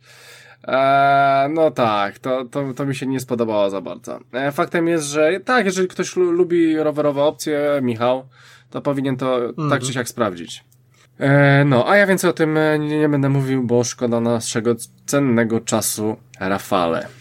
No cóż, no to chyba nie pozostaje mi nic innego, jak powiedzieć o kolejnym ekskluzywie od Sony, który wpadł ostatnio w moje ręce i tym razem będzie to gra yy, na VR-a, a tak naprawdę również na VR-a, bo, bo można grać sobie normalnie w trybie yy, klasycznym na telewizorze. I jest to Tetris Effect, czyli klasyczny Tetris, bez praktycznie żadnych zmian, nie ma tutaj żadnych udziwnień w stylu Tetrisa 99. E, niemniej jednak w niesamowitej oprawie audiowizualnej i jakieś tam levele coraz to trudniejsze, podzielone na, mm, na te etapy graficzne, które pozwalają nam poczuć się jakbyśmy grali e, w głębi oceanu albo gdzieś tam w chmurach, w przestworzach i tego typu rzeczy. No i to jest w sumie kwestia tego, żeby w to zagrać, włączyć słuchawki i poczuć się faktycznie odciętym i, i zrelaksowanym, szczególnie w różnego rodzaju sytuacjach stresowych, nawet y, kilka minut y, mm, rozgrywki tutaj bardzo, bardzo wiele zmienia i jakby zawsze wiemy czego wiemy czego się spodziewać, a jednocześnie gra nas tam, y, dopóki przynajmniej nie poznamy wszystkich plansz, to, to przyjemnie zaskakuje tymi swoimi modelami graficznymi tego, co się dzieje dookoła nas. Ta gra ma sens bez VR-a? Nie, nie, yy, chyba nie ma. Nie, też ma. Wydaje myślę, mi się, że nie ma. Rafał. Myślę, że też ma, ale. Nie, Co? nie. E, osobiście wydaje mi się, że nie ma, bo ja po prostu zajerałem się będąc w tym świecie, a tego tak nie odczujesz, jak nie masz VR-a. Znaczy to ja, ja to włączyłem i widziałem to na, na ekranie. To nie jest to samo. To jest jakby jakkolwiek byś nie miał dużego telewizora i ładnego, to nie jest to samo, kiedy mm, różnego rodzaju, wiesz, podczas gdy ty się skupiasz na samym Tetrisie, w samym w sobie, na tej planszy, ale między oczami ci latają, tak jak wiesz, w starych filmach 3D powiedzmy, gdzie okulary zakładałeś różnego rodzaju, wiesz, tam ma to jakaś meduza, to coś innego, jakieś fragmenty klocków i, i to wszystko gdzieś tam w połączeniu z muzyką, ale to połączenie tych wszystkich ruchów e, właśnie z muzyką i to, że mm, niby muzyka sobie jakaś tam jest e, z góry zaplanowana, ale ona bardzo mocno reaguje na to, co my robimy jak nam idzie, czy wolno, czy szybko. I to jest bardzo mocne tutaj e, piękno tej, tej rozgrywki, te dźwięki. To jakby nie tylko efekt graficzny, tylko Tetris efekt idzie co najmniej tutaj w, w dwa zmysły. E, Michale, może, e, może tak. Jeżeli nie grałeś w to nigdy, to chyba można bez VR-a. Ale jeżeli zagrasz na VR-ze, to już nie zagrasz w normalnie. Domyślam się, że nie miałbym tych doznań, bo oglądałem czasem gameplaye z tego, bo, bo chwalili to naprawdę na premierze, jak to było. Mhm. E, i, na, I chyba mi się wydaje, że, że chyba bym nie chciał bez VR-a w, w, to zagrać. To mnie naprawdę interesuje, żeby w to, w to na VR-ze zagrać, przez to spytałem, czy, czy bez VR-a to ma sens. No, ale myślę, że, że to jest właśnie gra typowo, żeby, na, żeby po prostu ma have na VR, żeby w tego Tetrisa pograć. Bo w takiego Tetrisa to wystarczy, nie wiem, Tetris 100, które omawiałem ostatnio na Switchu sobie ściągnąć i też jest ok, leci sobie muzyczka, lecą te klocki, ale właśnie to jest gra zaprogramowana pod tego VR-a, żeby po prostu się wejść w tą grę tak, tak naprawdę tego Tetrisa, mhm. więc nie To prawda, to mhm. prawda. E, dobra, e, Michael, co, co, co tam u ciebie? E, serial mam i to taki serial, że pomyślałem sobie, oglądając go, tak sobie myślę, kurwa, jak ja o tym opowiem, bo się tyle dzieje. Jest to, nie wiem, czy oglądaliście serial Dark. No nie. E, czeka, wyszedł... czeka, czeka. Jeszcze nie. Też czekam na niego. No to dużo tracicie. Naprawdę, bo serial Dark e, wyszedł sezon trzeci 27 czerwca, czyli w zeszłą sobotę wyszedł sezon trzeci, więc ja e, z powodu tego, że ludzie się hypowali, trzeci sezon wychodzi i tak dalej, no to Michał bierze Netflixa i jedzie od początku, bo nie wie co to jest. Okazuje się, że to jest serial, który pochodzi z Niemiec. E, eee, taki... o, o, oryginalna ścieżka była u, u, u, uwalona, czy nie? U ciebie? E, odpaliłem sobie z lektorem, czyli, ale lektor jest tak zrobiony, że słychać Niemiec, Niemców Scheiße, i Scheiße. Scheiße i wchodzi cholera. Okay. czyli, czyli tak, tak w tych wszystkich filmach w polskiej w telewizji, że lektor jest nałożony na tą ścieżkę dźwiękową. Mhm. Um, ale nie jest to jakieś, jakieś e, inwazyjne, strasznie ten niemiecki tam fajnie brzmi. No i to jest taki taki wiedźmi dla Niemców Netflixowy jak, jak Polacy mają sw swoją, swojego Wiedźmina, tak Niemcy mają swojego Darka na Netflixie i, i serial naprawdę robi robotę. Um, o co chodzi? Ciężko w ogóle zaspoilować ten, ten serial, bo się tak dużo dzieje i tak jest zamieszanie w tym, że po prostu nawet jak się coś komuś zaspoiluje w tym serialu, to i tak to nic nikomu nie powie. Um, chodzi o to, że mamy mie miejscowość Winden. Miejscowość Winden jest bardzo taka od, odludniona, taka, taka bardzo położona w specyficznym miejscu, gdzie mamy naokoło po prostu tereny lasu i mamy w, w mieście Winden elektrownię atomową, gdzie wszyscy mieszkańcy yy, po prostu, elektrownia atomowa jest pracodawcą dla wszystkich tych mieszkańców Winden, że każdy gdzieś tam jest powiązany ze sobą, wszyscy, wszyscy sąsiedzi trzymają się razem, wszyscy się znają, wszyscy się kochają, czyli taka mała wioska, do której nie dochodzi nic, nikt z zewnątrz i nie ma w ogóle w serialu mowy, żeby istniało jeszcze jakieś inne miasto, które nie jest Winden. Więc mamy Winden i okazuje się na początku pierwszych tam, tam na początku tego serialu, że występują jakieś anomalie i dzieje się coś niedobrego i to wszystko ma związek z upływem czasu. I o co chodzi? Okazuje się, że można się przenieść w czasie i to robi z, tym, z, tej, z tej fabuły mega sieczkę, która wbiła mnie w fotel, wbija mnie w fotel za każdym e, kolejnym odcinkiem i złapałem się na tym, bo ci ludzie zaczynałem rozkminiać o co chodzi mniej więcej, którzy tam mieszkają i trochę grzebać w tym czasie, co prowadzi do totalnego chaosu i ten serial z każdym odcinkiem dodaje jeszcze więcej chaosu, ale stara się też wytłumaczyć e, ten chaos, który już powstał wcześniej, gdzie, skąd, jak i dlaczego. I skończyło się na tym tak, to na tym to, że, że po prostu już jestem w połowie drugiego sezonu, ponad połową, na szóstym odcinku chyba jest 10 na sezon. Skończyło się to tak, że ja chyba zacznę sobie, e, wyciągnę sobie kartkę, długopis i sobie chyba zacznę rozrysowywać to, co się po prostu, kto jest z kim połączony w jaki sposób. Bo naprawdę tam jest mega wszystko pomieszane. Jak e, mamy tam przenoszenie się, bo mamy chyba o 33 lata w przód i wstecz można się przenosić, więc mamy albo przyszły, mieliśmy na początku w ogóle w pierwszym sezonie, że tylko do 86. Ok, akurat był ten czas, y, elektrownia atomowa i tak dalej, że było to wszystko połączone czasowo na osi czasu z, y, z, z katastrofą w elektrowni w Czarnobylu. I to było jeszcze do ogarnięcia, co tam się działo za zamieszanie, ale jak już weszły czasy, y, lata dwudzieste i przyszłość, to już naprawdę był mózg rozjebany i tam naprawdę dzieje się bardzo dużo i, i trzeba naprawdę się zastanawiać w tym serialu. I co czyni ten serial mega zajebistym i mega wciągającą pozycją. Eee, naprawdę trzeba być e, ogarniętym, żeby tą fabułę jako scenarzysta poprowadzić tak, żeby po prostu nie, nie wykoleić się z tą fabułą. I bardzo dużo filmów, gdzie tam jest zamieszanie z czasem, z przenoszeniem się w czasie i tak dalej, bardzo dużo filmów traci po prostu ten swój zamysł i gdzieś tam e, podczas rozwoju fabuły się to wszystko gdzieś gubi.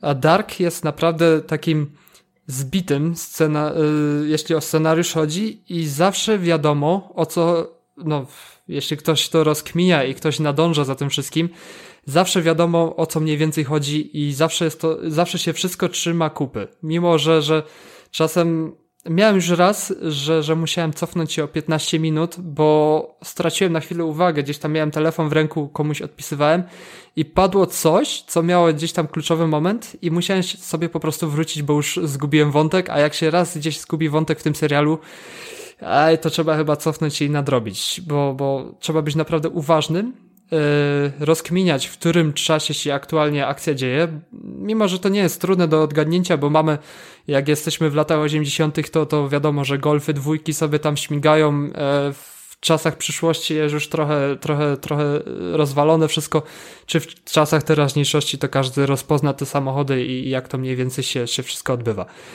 Więc yy, wyszedł trzeci sezon teraz w zeszłą sobotę i ja już nie mogę się doczekać, aż skończę drugi, zacznę trzeci i po prostu jestem mega wciągnięty. Dawno serial mnie tak nie wciągnął jak, jak serial Dark i bardzo dużo y, ciepłych słów o tym serialu słyszę, nawet y, od Niemców, którzy są bardzo w sumie wybredni i tak dalej, bardzo chwalą ten serial. No wiadomo, to jest serial niemiecki, więc Niemcy czują dumę w tym kierunku. I naprawdę jest ten serial godny polecenia. Ja to kiedyś zacząłem oglądać, teraz mi przypomniałeś, jak uświadomiłeś mi, że to jest niemiecki serial. I ten język niemiecki mnie totalnie blokuje, ale tam chyba są inne opcje do wyboru. No, są inne opcje. Ja po polsku z lektorem oglądam. Mimo, że ten niemiecki się tam, tam przebija, no ale, ale naprawdę warto po Jestem prostu... ciekawy po angielsku jakby. Albo możesz... No to, to sprawdź. Albo, albo możesz Rafał oglądać bez głosu, tylko z polskimi napisami.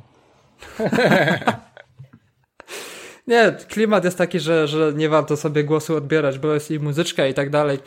I naprawdę, jeśli nie oglądaliście, to, to przymknijcie oko na ten niemiecki, bo naprawdę warto to zobaczyć, bo to jest jeden z lepszych, jedna z lepszych pozycji, jakie są na Netflixie dla mnie, w mojej opinii, więc polecam jak najbardziej i, i rozkminiajcie, jak trzeba to notujcie, bo jest naprawdę, robi robotę ten serial. E, dobra, więc e, słuchajcie, ja, ja e, skorzystałem z tego, że jestem członkiem czegoś takiego, co się nazywa Xbox Insider i e, mogłem ograć sobie alfę, alfa albo betę. Wydawało się, że to jest alfa, ale nie jestem pewny. Mogła być to alfa. E, e, gry, która nazywa się Grounded. Gra wychodzi 28 lipca. Jest to ekskluzyw na Xboxa e, i jest bardzo fajna i naprawdę jest bardzo fajna. E, wyobraźcie sobie, że w ogóle, w ogóle e, tą alfę mogłem ograć tylko pół godziny, więc po pół godziny wywalało mnie do menu i mogłem jeszcze raz od nowa zagrać, ale w takiej grze jest to bez sensu, bo czym jest ta gra?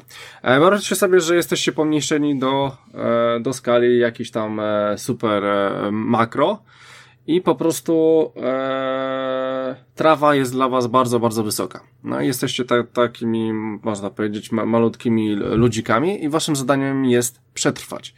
E, gra zaczyna się, przynajmniej to demko, to ta alfa zaczynała się w ogródku, no i po prostu wszystko jest duże.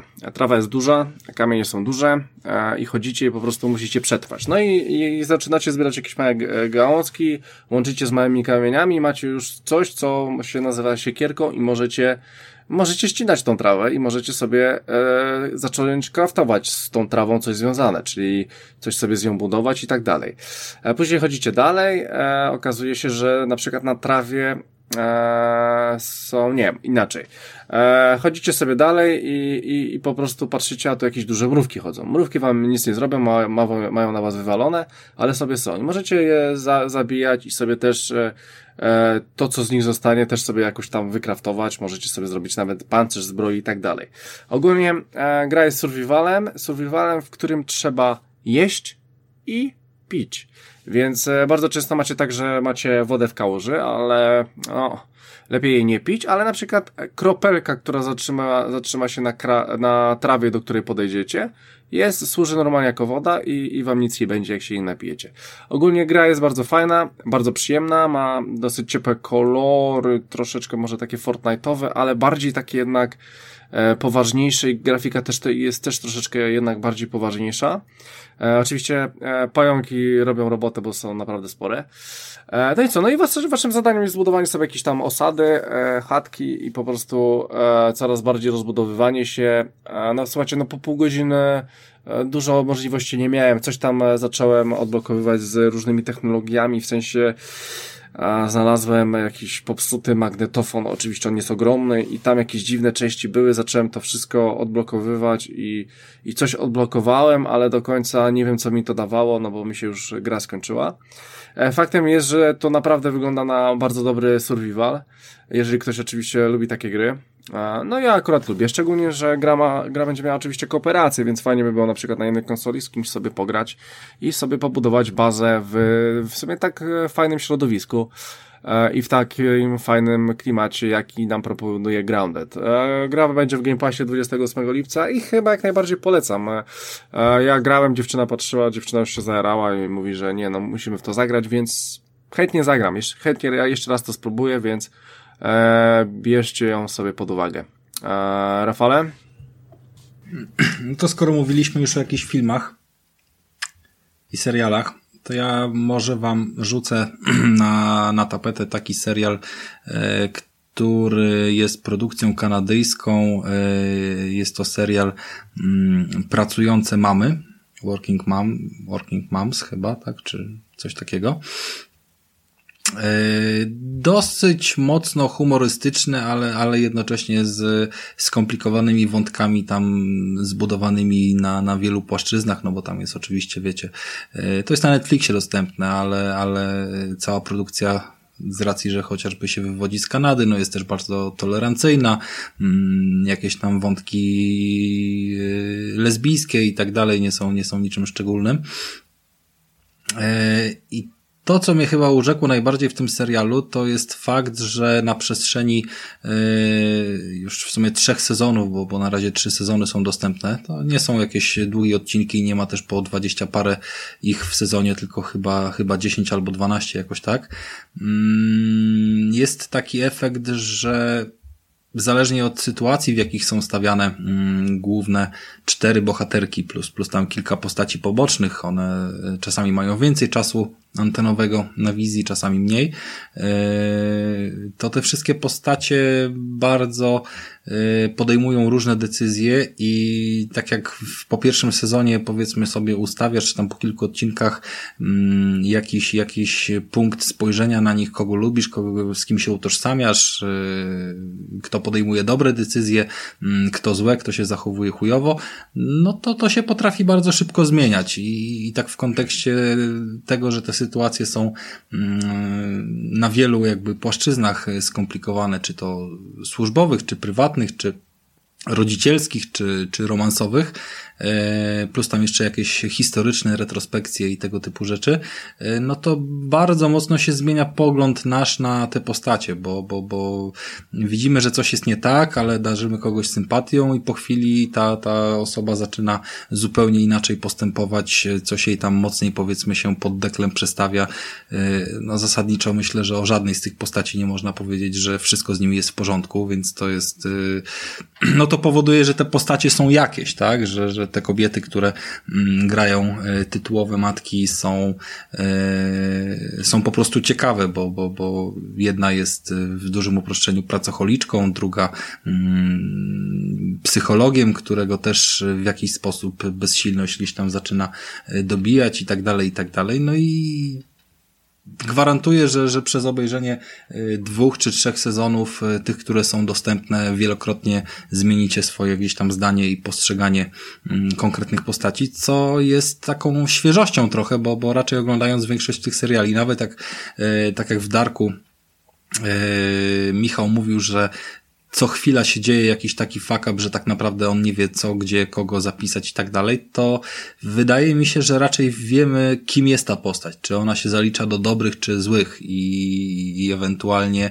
mm, cały czas jest jakby ten poziom. A, a tutaj jakby mówimy o sytuacjach stricte y, mniejszego kalibru, bardziej właśnie tych rodzinnych i, i takich prywatnych dramatach i, i wydarzeniach, w związku z czym no nie można jednoznacznie stwierdzić, co jest dobre, co jest, co jest złe i to jest chyba taka największa moc y, tego serialu. No ciekawe. To jest takie, taka moja polecajka, jeżeli chodzi o ten. E, ciekawe, ciekawe. I dosyć mocno jest humor, humorystyczny, tak? To nie jest jakaś tam kanadyjska odsłona seksu w wielkim mieście, chociaż na początku można mieć takie wrażenie, że, że, że ktoś gdzieś jakąś kliszą chciał pojechać, natomiast główna mm, aktorka Jedna, jedna z tych głównych postaci jest właśnie również producentką tego całego serialu i y, no widać, że tam był jakiś pomysł i, i, i nie bez powodu on jest dobrze oceniany i gdzieś tam chyba się w momentach pewnych załapał na jakieś, y, wiesz, y, tam top ten zainteresowań i, różnego rodzaju sugestie. No.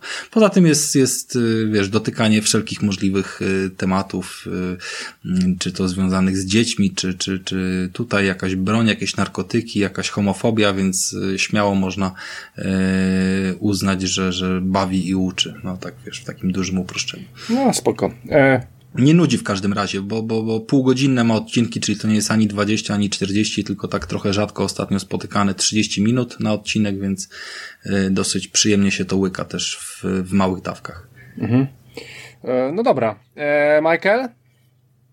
E, ja już w Side Parku mam wszystko. Kurczę, dobra. To ja mam tylko jedną rzecz, ostatnią.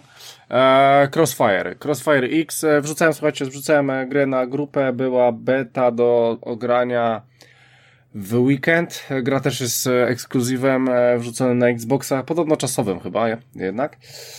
Faktem jest, że słuchajcie, Crossfire X to jest gra, która jest mm, Counter-Strike'iem po prostu. Counter-Strike'iem na E, na konsolę, na, na Xboxa. No, e, mamy tam team, e, wiecie co, tam, tam był różny team. 7 na 7, 8 na 8, coś takiego. Dosyć spore były te team, teamy. No i co, no i jeden team próbuje podłożyć bobę, drugi musi ją zdetonować. No, oczywiście eliminacja drużyny też wchodzi w grę. Jak wyeliminujemy drużynę, no to runda się kończy. E, no i słuchajcie, gra wygląda w sumie jak counter. E, gramy, jest to shooter, FPP, z pierwszej osoby. Ale counter nie wygląda ładnie, a, a to jest gra, którą chwaliłeś, że będzie ekskluzywem na nowego Xboxa, więc... Nie, nie, nie, to nie, nie będzie na nowego Xboxa, to chodzi na tego Xboxa, Rafale. Ale będzie też na nowego, była no tak, to, liście, to, to udostępniłeś. To no. tak, tak, e, bardzo... Przyznajesz, że lista była chujowa? Eee, Rafale, troszeczkę weszłeś mi w słowo, to jest bardzo niemiłe, więc ja, ja ten, ja skończę i później ewentualnie ci powiem. Eee, więc słuchajcie, mamy Crossfire'a, eee, w tej becie miałem tylko dwie mapy. E, pewnie jest tego troszeczkę więcej. E, no i mam oczywiście jakieś tam klasy postaci na zasadzie, jakie bronie mają na początku. No to sobie coś tam bierzemy. Standardowo jakiś sniper, e, ktoś shotgunem może latać i tak dalej, i tak dalej. Chyba tam jest 5 czy 6. No i zaczynamy rozgrywkę. No i słuchajcie, ja nie jestem fanem Contera. Nigdy nie byłem i nigdy w niego też nie grałem. Tak, tak, tak na dobrą sprawę. Ale wiem na przykład, co tam występuje. I tu występuje to samo. Otóż, Bierzecie sobie pierwszy lepszy, nie wiem, AK-47 i nie możecie nim przycelować, tak? Nie możecie ją sobie wziąć do skroni i przycelować. Nie, macie, macie ten jeden e, widok z bronią, w którym jest celownik i w ten sposób strzelacie z tej broni. E, no i dla, dla mnie osoby, dla mnie osobiście, e, ja się nigdy z tym nie spotkałem i jest to dosyć dziwne. E, ma to na pewno swoje plusy, bo można to fajnie wymasterować i tam nawet e, miałem, takie, miałem takie ciekawe potyczki, że to nawet dobrze szło. I nawet dało się bez zbliżania do, do, do oka z tego dobrze strzelać. Eee, ale, ale tak, ale wymaga to na pewno troszeczkę treningu i treningu i, i, i samozaparcia, żeby jednak ogarnąć tą w sumie nieprostą mechanikę. Eee, ale w Duma grałeś, w Dumie też nie da się przyłożyć do oka broni. No, ale Doom jest troszeczkę, wiesz co, Doom jest troszeczkę inną, bro, y, inną grą, gdzie masz dosyć małe lokacje i gdzie się napierdalasz tak, tak, że nie potrzebujesz tego przybliżania, bo wydaje mi się, że, że nie ma aż tak dużych odległości. Aha, rozumiem, że są mapy skonstruowane tak, że, że po prostu przy, przycelowanie by się przydało. W, w sumie w CS jest też ten problem, że jak nie masz snajperki, to sobie nie przycelujesz, tak, tak, ale tak. mimo wszystko da się z kilku metrów kogoś uszczelić. Nie, no tutaj też, spokojnie, tutaj, tutaj tym tam, bo to, bo to celownik jest na zasadzie takiej, takich, e, takiego crossa, crossa, e, dwóch linii przerywanych, z tym, że one jak są przerywane, to to środek jest pusty, więc macie tylko na, na północy, południu, wschodzie i zachodzie, ale w środku jest puste, więc, więc z tego też się zbytnio ciekawie nie celuje, ale oczywiście można tak zabić, bo, bo ginąłem, więc, więc można. E, faktem i to, i to z dużej odległości i, i, i w ten sposób się gra i w Contera też, nie wiem, się w ten sposób gra.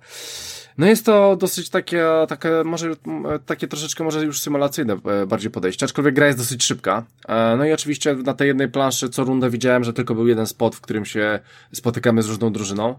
E, no i to wszyscy szli do praktycznie do tego spotu i, i granaty i wszystko. I bo to było tak z, za rogu budynku, więc, więc wszystko szło granaty i czekało się aż, aż, aż się, aż jedna drużyna się wychyli albo druga.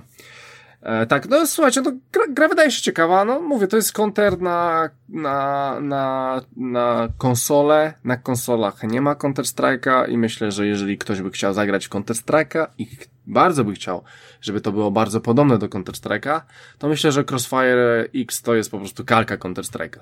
Wiem, że gra ma być chyba w usłudze e, free-to-play, E, więc można sobie ją po prostu ograć za darmo, jak, jak wyjdzie, tak? E, na razie chyba jeszcze je, us, usunęła się ta beta i jej nie ma. Więc, e, no ogólnie mówię, kto ją lubi, to niech sobie tam gra. E, no, Rafale, tak, jeżeli chodzi Rafale o naszą listę, tak, to faktycznie, no, li, lista jest w sumie dosyć prawdziwa. E, może tam dodali parę takich e, na Xbox, na Xboxie gier, które nie wiadomo czy wyjdą też. Ale wszystkiego dowiemy się. Ty wiesz, no, gwoli sprostowania tam z Playki też nie było projektu Ahaja i tak dalej, wiesz, jakiś tam paru.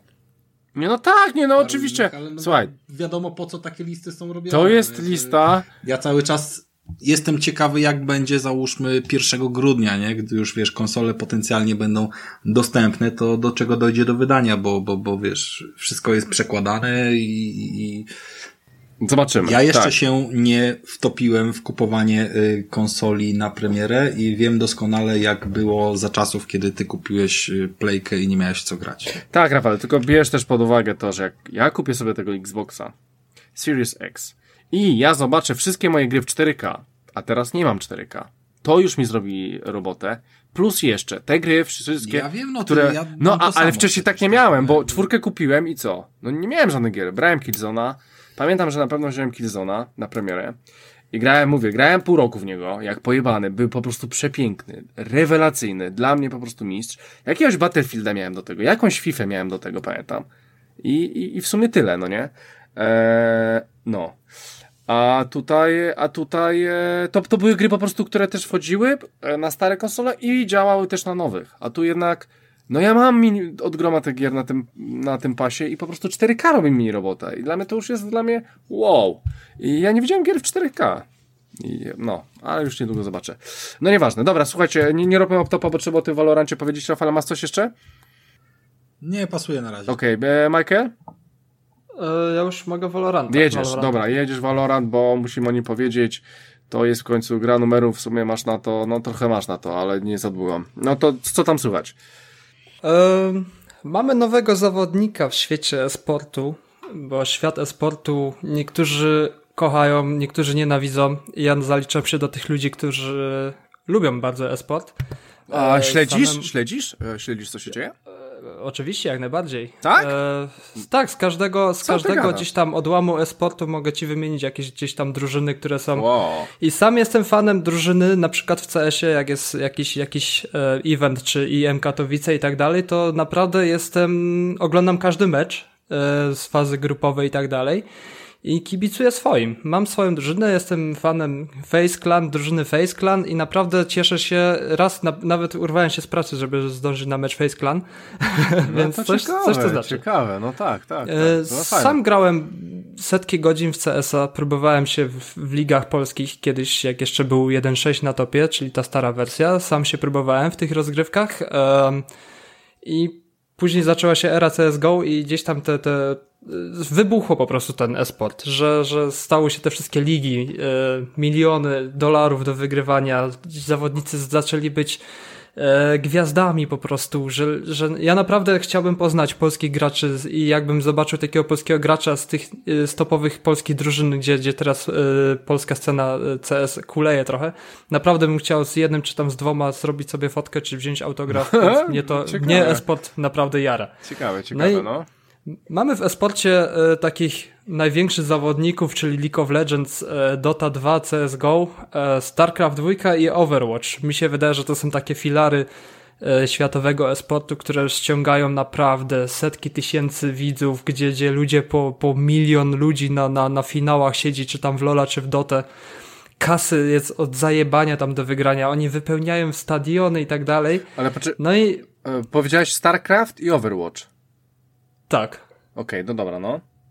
No bo wymieniłem te gry, co tam, co tam st- stanowią te filary e-sportu, bo jednak bo- bo- StarCraft 2, mimo że starą grą, to, to znaczy popularność spadła, bo kiedyś było StarCraft 2 był na topie, to teraz popularność spadła na rzecz Doty, Lola i CS-a, ale mimo wszystko StarCrafta 2 też e, mam swoich ulubionych zawodników, czy, czy, czy to Mana z Polski, czy, czy Nercio, polski, polscy zawodnicy, gdzie, gdzie zawsze ich e, turnieje śledzę, gdzie, gdzie czytam odnoszą sukcesy i tak dalej.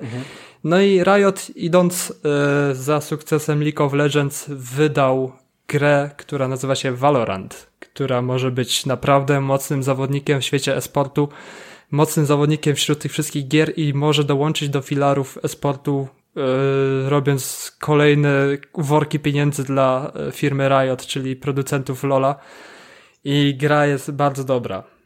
E, miałem kiedyś takie odczucie, że po prostu CSGO mi się przejadł. Grałem bardzo dużo, aż tak dużo, że już na CS-a nie mogę patrzeć.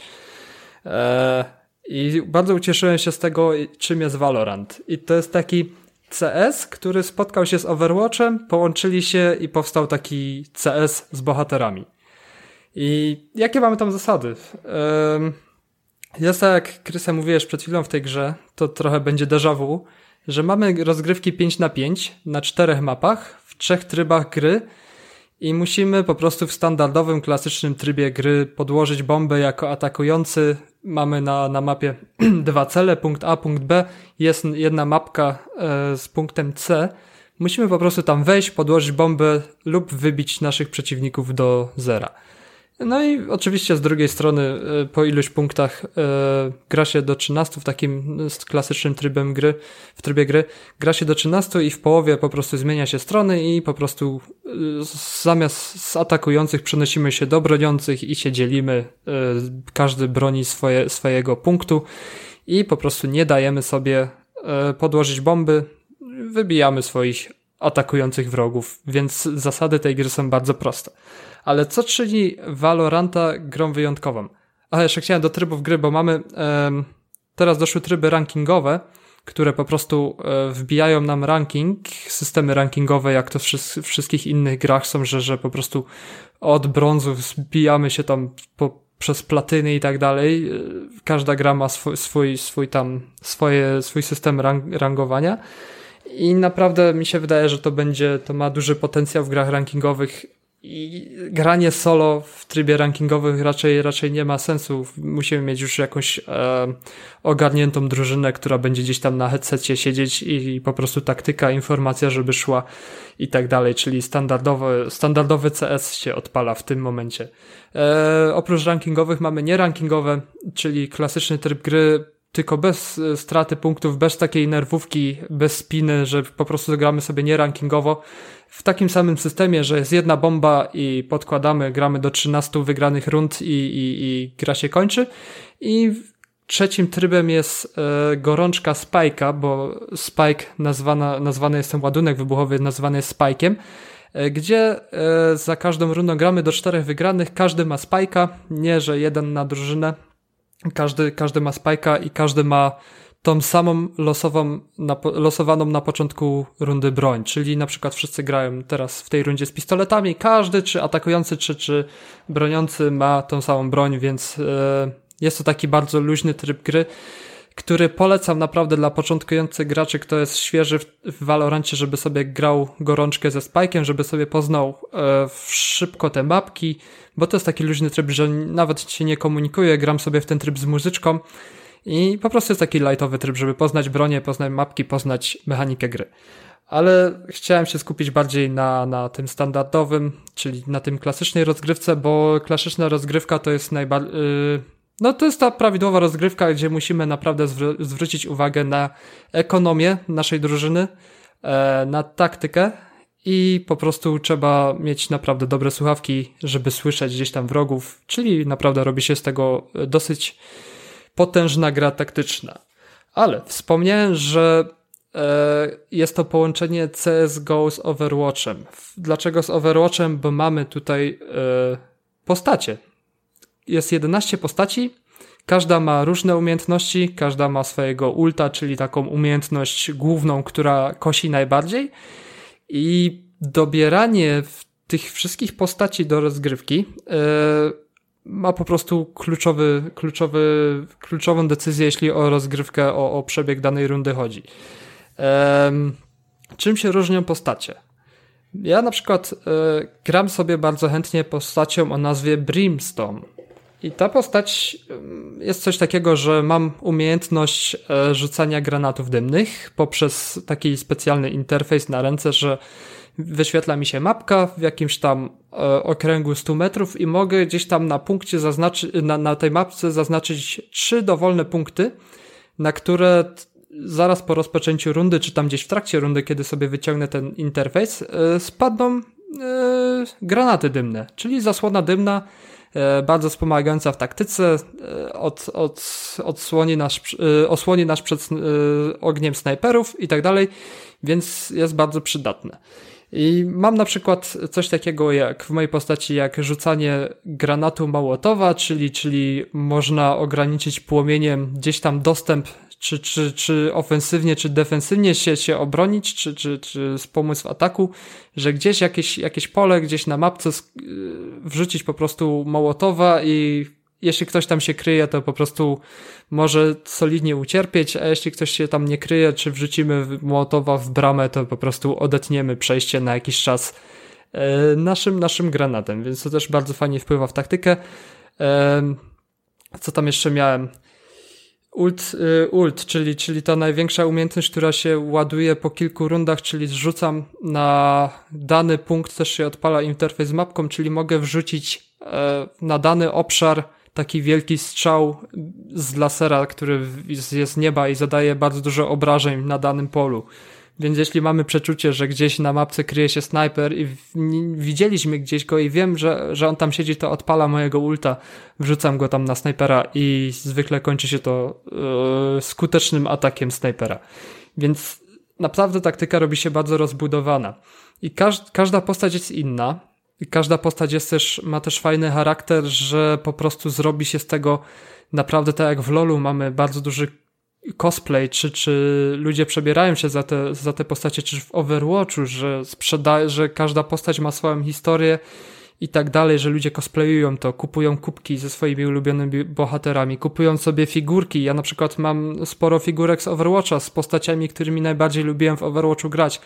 Więc ta gra Valorant ma też e, takie coś, że te postacie da się do nich przywiązać. Opowiadałem jakąś historię i na przykład jak bardzo lubię Brimstone'em grać, to naprawdę bardzo chętnie bym sobie kupił, jeśli już by, jeśli wyjdą e, figurki, że figurkę z Brimstone'a i postawiłbym sobie ją bardzo chętnie na biurku. Inne postacie e, różnią się naturalnie umiejętnościami. E, mamy przeróżne zasłony dymne, lodowe pułapki, które, które spowalniają wrogów, że, że ktoś nade, nadepnie na lód, to go spowolni. E, mamy latające kamerki, mamy strzał, strzałę, która e, przez jakiś, przez jakiś czas u, pokazuje, czy, czy tam, gdzie strzała wyląduje w pobliżu tej strzały, w pobliżu wylądowania tej strzały, pokazuje, czy tam gdzieś wrogowie się nie ukrywają, więc naprawdę postaci jest 11 i każda postać to jest inny styl rozgrywki i inny styl umiejętności, więc każdy może znaleźć coś dla siebie. Jeśli ktoś jest bardziej ofensywny, to bierze naturalnie postacie bardziej ofensywne, a jeśli ktoś chce defensywnie grać, to może bardzo iść defensywnie i wspomagać swoją drużynę. Mamy postać, która leczy, mamy postać, która swoim ultem potrafi wskrzesić zmarłego sojusznika, Ostatnio miałem nawet taki przypadek, że, że gdzieś tam na początku rundy dostałem w głowę ze snajperki, ale przemiły facet, który grał postacią, która leczy, po prostu e, wskrzesił mnie. No i, i mogłem dalej wrócić do rozgrywki tylko odrodziłem się bez swojej broni zakupionej, do, do czego zaraz przejdę, urodziłem się z podstawowym ekwipunkiem i mogłem grać dalej. Gdzieś tam znalazłem jakiegoś trupa, pozbierałem sobie broń i byłem znowu pomocny na polu walki. E, wspomniałem o ekonomii. Ekonomia, czyli mamy w CS-ie coś takiego, że każda runda kończy się zarobionymi pieniędzmi, jeśli gramy w systemie rankingowym. E, wygrywamy rundy, stać nas na lepsze bronie. Przegrywamy rundy, nie mamy za co kupić sobie broni i musimy grać rundę tak zwaną eko, czyli nie kupujemy na razie nic, czyli tak można powiedzieć prosto oddajemy punkt, żeby po prostu gdzieś tam nam się te pieniądze powoli skumulowały. No i w Valorancie mamy podobny system, zbieramy sobie pieniążki i za te pieniążki właśnie kupujemy sobie broń, e, różne, różne popularność broni to jest różny koszt, czyli mamy taki odpowiednik Kałacha i M4, czyli takie naprawdę standardowe bronie w polu walki, które przebiegiem, z przebiegiem gry każdy ma, jest wyposażony standardowo w nie i one są najdroższe, więc y, wygrywanie rundy skutkuje tym, że zawsze mamy gdzieś tam kałaszka, dobrą snajperkę w drużynie i to jest naprawdę śmiercionośna, śmiercionośny team. E, do tego kupujemy sobie naturalnie pancerz, możemy kupić połowę pancerza lub cały i te wszystkie umiejętności, które ma nasza postać, musimy sobie też na początku rundy kupować. Mamy start, e, fazę kupowania, wszyscy gdzieś tam kupują, każdy e, na, na co stać. Zwykle kończy się u mnie tak, że kupuję sobie tego kałaszka, kupuję sobie standardowo opancerzenie i granaty dymne, bo one najbardziej przydają się w taktyce. Jak mnie stać, to kupuję sobie jeszcze resztę umiejętności, żeby jeszcze, jeszcze większe zagrożenie sieć na polu walki. No i gramy sobie na, na razie chyba są cztery mapki. I te mapki skonstruowane są bardzo przemyślanie, że mamy naprawdę pole do popisu dla każdego dla każdego stylu rozgrywki. Jeżeli chcemy na walkę w zwarciu iść, czyli na, na shotguny, czy, czy, czy na lekkie karabinki, które so, po prostu z bliska są naprawdę groźne, no to gdzieś tam możemy sobie podejść na bliski dystans, yy, czy to ciasne korytarze, czy ciasne przejścia, że zawsze gdzieś tam sobie możemy ofensywnie zaatakować. Jeśli jesteśmy takim graczem bardziej, ze średniego dystansu, to też mamy miejsca, gdzie możemy po prostu sobie gdzieś przycupnąć, przeczekać, e, posłuchać, gdzie znajdują się wrogowie, czy poczekać na, na, na jakieś info z naszej drużyny. No i mamy po prostu snajperki, możliwość dla zagrania dla snajpera, czyli głównie jest to środek mapy, gdzie mamy naj, gdzie mamy naprawdę możliwość przestrzału przez całą mapę i zwykle tam nie należy się wychylać, e, jeśli ma się ogarniętych przeciwników, nie należy tam wychylać, bo na pewno stoi tam gdzieś snajper, który ma nas na jednego strzała, jeśli gramy przeciwko ogarniętemu snajperowi, to może nam naprawdę zajść ze skórę. Więc e, gra jest naprawdę bardzo dobrze zbalansowana. E, gra jest za darmo, co jest, co jest mega pozytywem w tej grze. E, i może do niej wejść każdy, chociaż myślę, że próg wejścia dla takich, dla nowych graczy, którzy nie mieli gdzieś tam e, styczności z Counter-Strike'iem, którzy nie wiedzą mniej więcej jak się zachować w takich grach, bo w takich grach naprawdę w taktycznych, e, esportowych trzeba wiedzieć gdzie się zachować, jak mniej więcej współgrać z teamem, czy to przy obronie, czy przy ataku, że stała zasada, że jeśli mamy dwa punkty przy obronie, to dwóch idzie na, do punktu A, dwóch idzie na punkt, do punktu B i jeden pilnuje środka. To jest taka złota zasada w esporcie i jak gram sobie z randomowymi ludźmi, to widać te braki, że, że że ci ludzie nie wiedzą po prostu gdzie iść, jak się zachować i te braki wpływają na to, że często są mecze przegrane z powodu tego, że ci, że nie wiedzą gdzie się podzieć, jak się poruszać i, i po prostu jak w to grać. Więc próg wejścia jest naprawdę yy, na wysokim poziomie. I co jest smutne naturalnie w takich grach, że gracze, którzy chcą po prostu czerpać przyjemność z tej gry, odpalają się na mikrofonie i po prostu wyzywają tych biedaczków, którzy nie wiedzą jak się zachować, zamiast im gdzieś tam pomóc, czyli nie wiem, idź tutaj. E, raz spotkałem się z tym, gościu chyba przyczaił, to chyba był mój pierwszy, pierwszy meczyk, gościu przyczaił, że mniej więcej nie ogarniam jaką bronią gram i tak dalej i jakiś miły gościu e, po prostu dał, e, powiedział mi weź sobie kup teraz tą broń, tą broń, ona jest taka mniej więcej standardowa w tej grze. Ja mu rzuciłem info, ok, spoko, ja jestem, ja bardzo dużo w CS-a grałem, więc mniej więcej jeśli o celowanie i strzelanie chodzi, to, to mniej więcej sobie daję radę, ale po prostu musiałem sobie się nauczyć tych broni, musiałem sobie przeanalizować te mapki. Jeśli chce się naprawdę grać na wysokim poziomie, to trzeba e, znać wszystkie pozycje na mapach, żeby po prostu dać ludziom info, czyli naprawdę robi się hardkorowe granie, które może naprawdę skończyć się do późnych e, godzin nocnych, jeśli naprawdę wciągnie.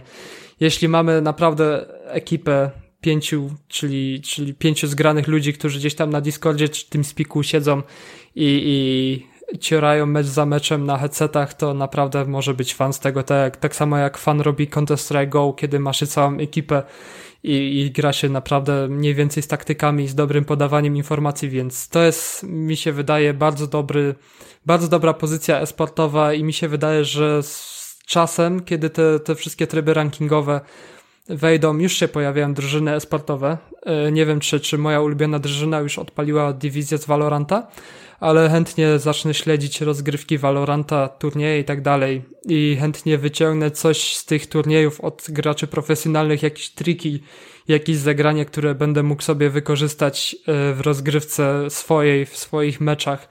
Bo to jest, to jest fajne. To jest taka gra, której mi brakowało, żeby sobie po prostu przysiąść do jakiejś e, rundy raz na jakiś czas, żeby po prostu mm, stale w jakąś grę multiplayerową grać. Okej, okay, mam te Modern Warfare, y, które świetnie gra się solo i przez to gram w Modern Warfare, bo głównie gram solo i w, w Modern Warfare na deathmatchu to jest bez spiny, można sobie, sobie śmiało tam po tych mapkach śmigać samemu, nie przejmując się jaki jest wynik i tak dalej. A tutaj Valorant e, czekam na moment, gdzie moi znajomi gdzieś tam z przeszłości, z CS-a zaczną po prostu ściągać sobie Valoranta i przekonywać się do tej gry, bo CS ma to do siebie, że ci, ci, ci fani są hardkorowi bardzo i oni CS jest jak religia, oni po prostu nie, nie, nie opuszczają CS-a. Ciężko ich będzie namówić na Valoranta, ale czuję, że jak im zaproponuję, że jak im mniej więcej opowiem, czym jest Valorant i powiem, ściągnijcie sobie zagramy jeden meczek, później stwierdzicie, czy usuniecie, czy zostaniecie dalej, to myślę, że oni zagrają jeden meczek, mniej więcej obczają, oj, fajnie jest, e, różne są postacie, różne są możliwości, że oni po prostu zostaną przy tym Valorancie. nie byłoby gry Riot, e, jeśli by nie było mikrotransakcji w tym. I mikrotransakcje są głównie oparte o skiny, opaczki ze skórkami z broni i po prostu jeśli ktoś nie chce, to nie musi wydawać pieniędzy. Tak jak to było w LoLu, to są tylko, to były tylko wszystko zmiany kosmetyczne. Tak samo w CS-ie są skrzynki z losowymi brońmi, z losowymi skinami, wyglądami, skórkami. E, nie musimy tego robić, nie musimy wydawać żadnych pieniędzy, żeby być lepszym. Możemy grać na standardowym ekwipunku i naprawdę czerpać mega przyjemność z tej gry. E, w grze levelujemy. E, levele odblokowują nam też różne skórki broni, ale wiadomo, e, skórki broni odblokowane przez level nie są tak e, bardzo. Nie robią takiego wrażenia jak te, to, co, co wydamy prawdziwe pieniądze na to, czyli, czyli tam jakichś fajerwerków nie ma w tym. E, przez levele zdobywamy sobie różne zawieszki na bronie i zdobywamy punkty na odblokowanie kolejnych postaci, bo bodajże jak startujemy z grom mamy cztery postacie do odblok e, odblokowane i z miarę z postępem rozgrywki e, odblokowujemy sobie kolejne postacie i co uznaję za dobry bardzo ruch, bo mamy szansę rozgrywając te wszystkie rundy poznawać po kolei te postacie. Mamy cztery, ok, cztery sobie ogramy, mniej więcej to jest chyba tak, tak rozkminione, żeby tam, tam po iluś meczach, że, że cztery, rozkminimy sobie cztery postacie i będziemy mogli sobie odblokować piątą, że nie będzie tego problemu, jaki problem miałem na przykład z Overwatchem. W Overwatchu nie wiem ile jest aktualnie postaci w Overwatch, Overwatchu, czy jest już 13, czy jeszcze więcej, ale miałem taki problem, że nie wiedziałem kim grać i, i jak się zachować grać, grając daną postacią i co dana postać potrafi.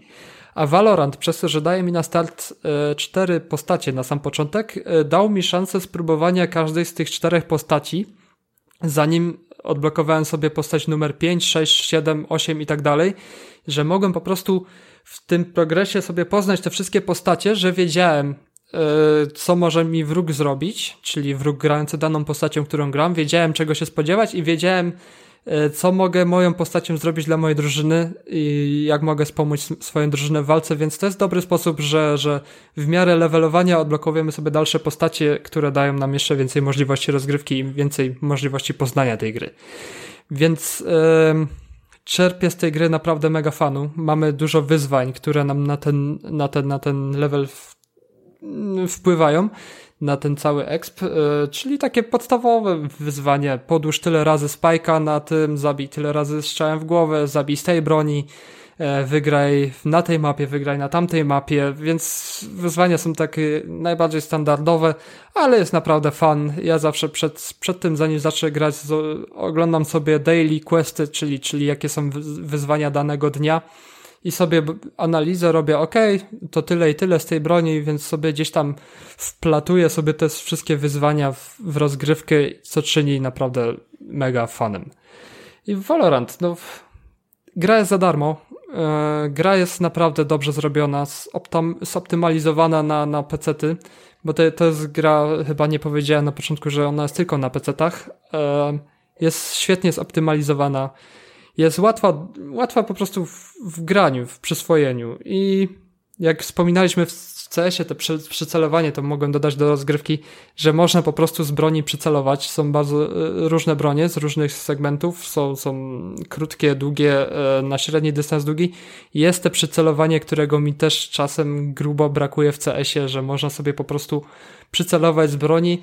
Za czym idzie, że broń zmienia też swój tryb strzelania, na przykład, że mamy pełny automatyczny tryb bez przycelowania, a jeśli sobie przycelujemy, to mamy tryb serii po trzy naboje, czyli tak zwany burst i strzelamy sobie z bursta, więc naprawdę gra jest yy, godna polecenia. Jeśli ktoś lubi esport, jeśli ktoś lubi ten tryb rozgrywki, że naprawdę trzeba przysiąść i sobie przy, yy, po prostu poznać tą grę, poznać mapki, poznać bronię, gdzieś swój rytm znaleźć, poznać naprawdę ludzi do grania. Mimo to, że grałem jakiś czas solo, to już zdarzyło się to, że dodał mnie już kilka osób, nie dodało do, do znajomych, bo widziałem, że tam mają e, polskie akcenty w swoich nikach, czy tam PL, czy, czy polską nazwę, więc zagadałem na mikrofonie i już się zdarzało tak, że ustawialiśmy się na wspólną rozgrywkę z chłopakami, z poznanymi w necie, więc drużynę znaleźć dla siebie nie jest jakoś trudno. Zawsze gdzieś tam ktoś znajdzie się do rozgrywki i to jest naprawdę mocny kandydat na jedną z topowych gier esportowych, którą będziemy oglądać na wielkich stadionach i wielkich telebimach. Tak. E, Uf, ma, aż muszę się napić. E, mam nadzieję, że tak się stanie. E, zobaczymy. No ja chętnie bym sprawdził. Lubię multiplayery, lubię taktyczne shootery również ale no, póki to nie wyląduje na konsolach, to, to nie, ra, raczej nie, bo na PC na ogół nie gram. E... Ale mi się wydaje, że to może nie siąść na konsolach po prostu. Nie siąść, to ciekawe. No, bo, z... bo mieliśmy, wiesz, że mamy CSGO na konsolach. Y, to, co mówił Krystian, co ma być y, odpowiednikiem Counter-Strike. Cross, no Crossfire. Co drugi. Ale nie wiem, czy wiecie, że CSGO też wyszedł na konsolach.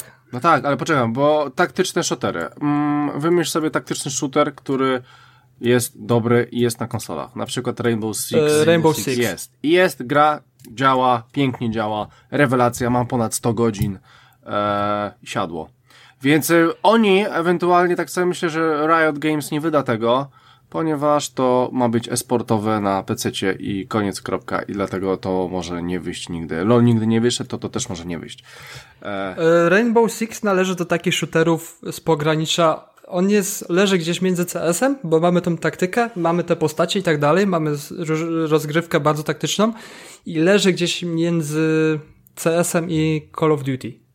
Że mamy tą rozgrywkę, a ona jest tak bardzo lightowo przeprowadzona jak Call of Duty, że mamy gdzieś tam fan, a Valorant jest naprawdę takim hardkorowym, esportowym mhm. e hardkorową esportową produkcją, która naprawdę jest nastawiona na to, żeby grać te turnieje, żeby tworzyć drużyny, żeby po prostu wspinać się w rankingach i wychodzić po jakimś czasie naprawdę na stadion i grać przed publiką, więc to jest naprawdę taka hardkorowa mhm. E, strzelanka. Eee, tak. Dobra, no, fajnie Michael to rozpracowałeś, Valorant jak najbardziej możemy polecić, e, żeby sobie w to pograć.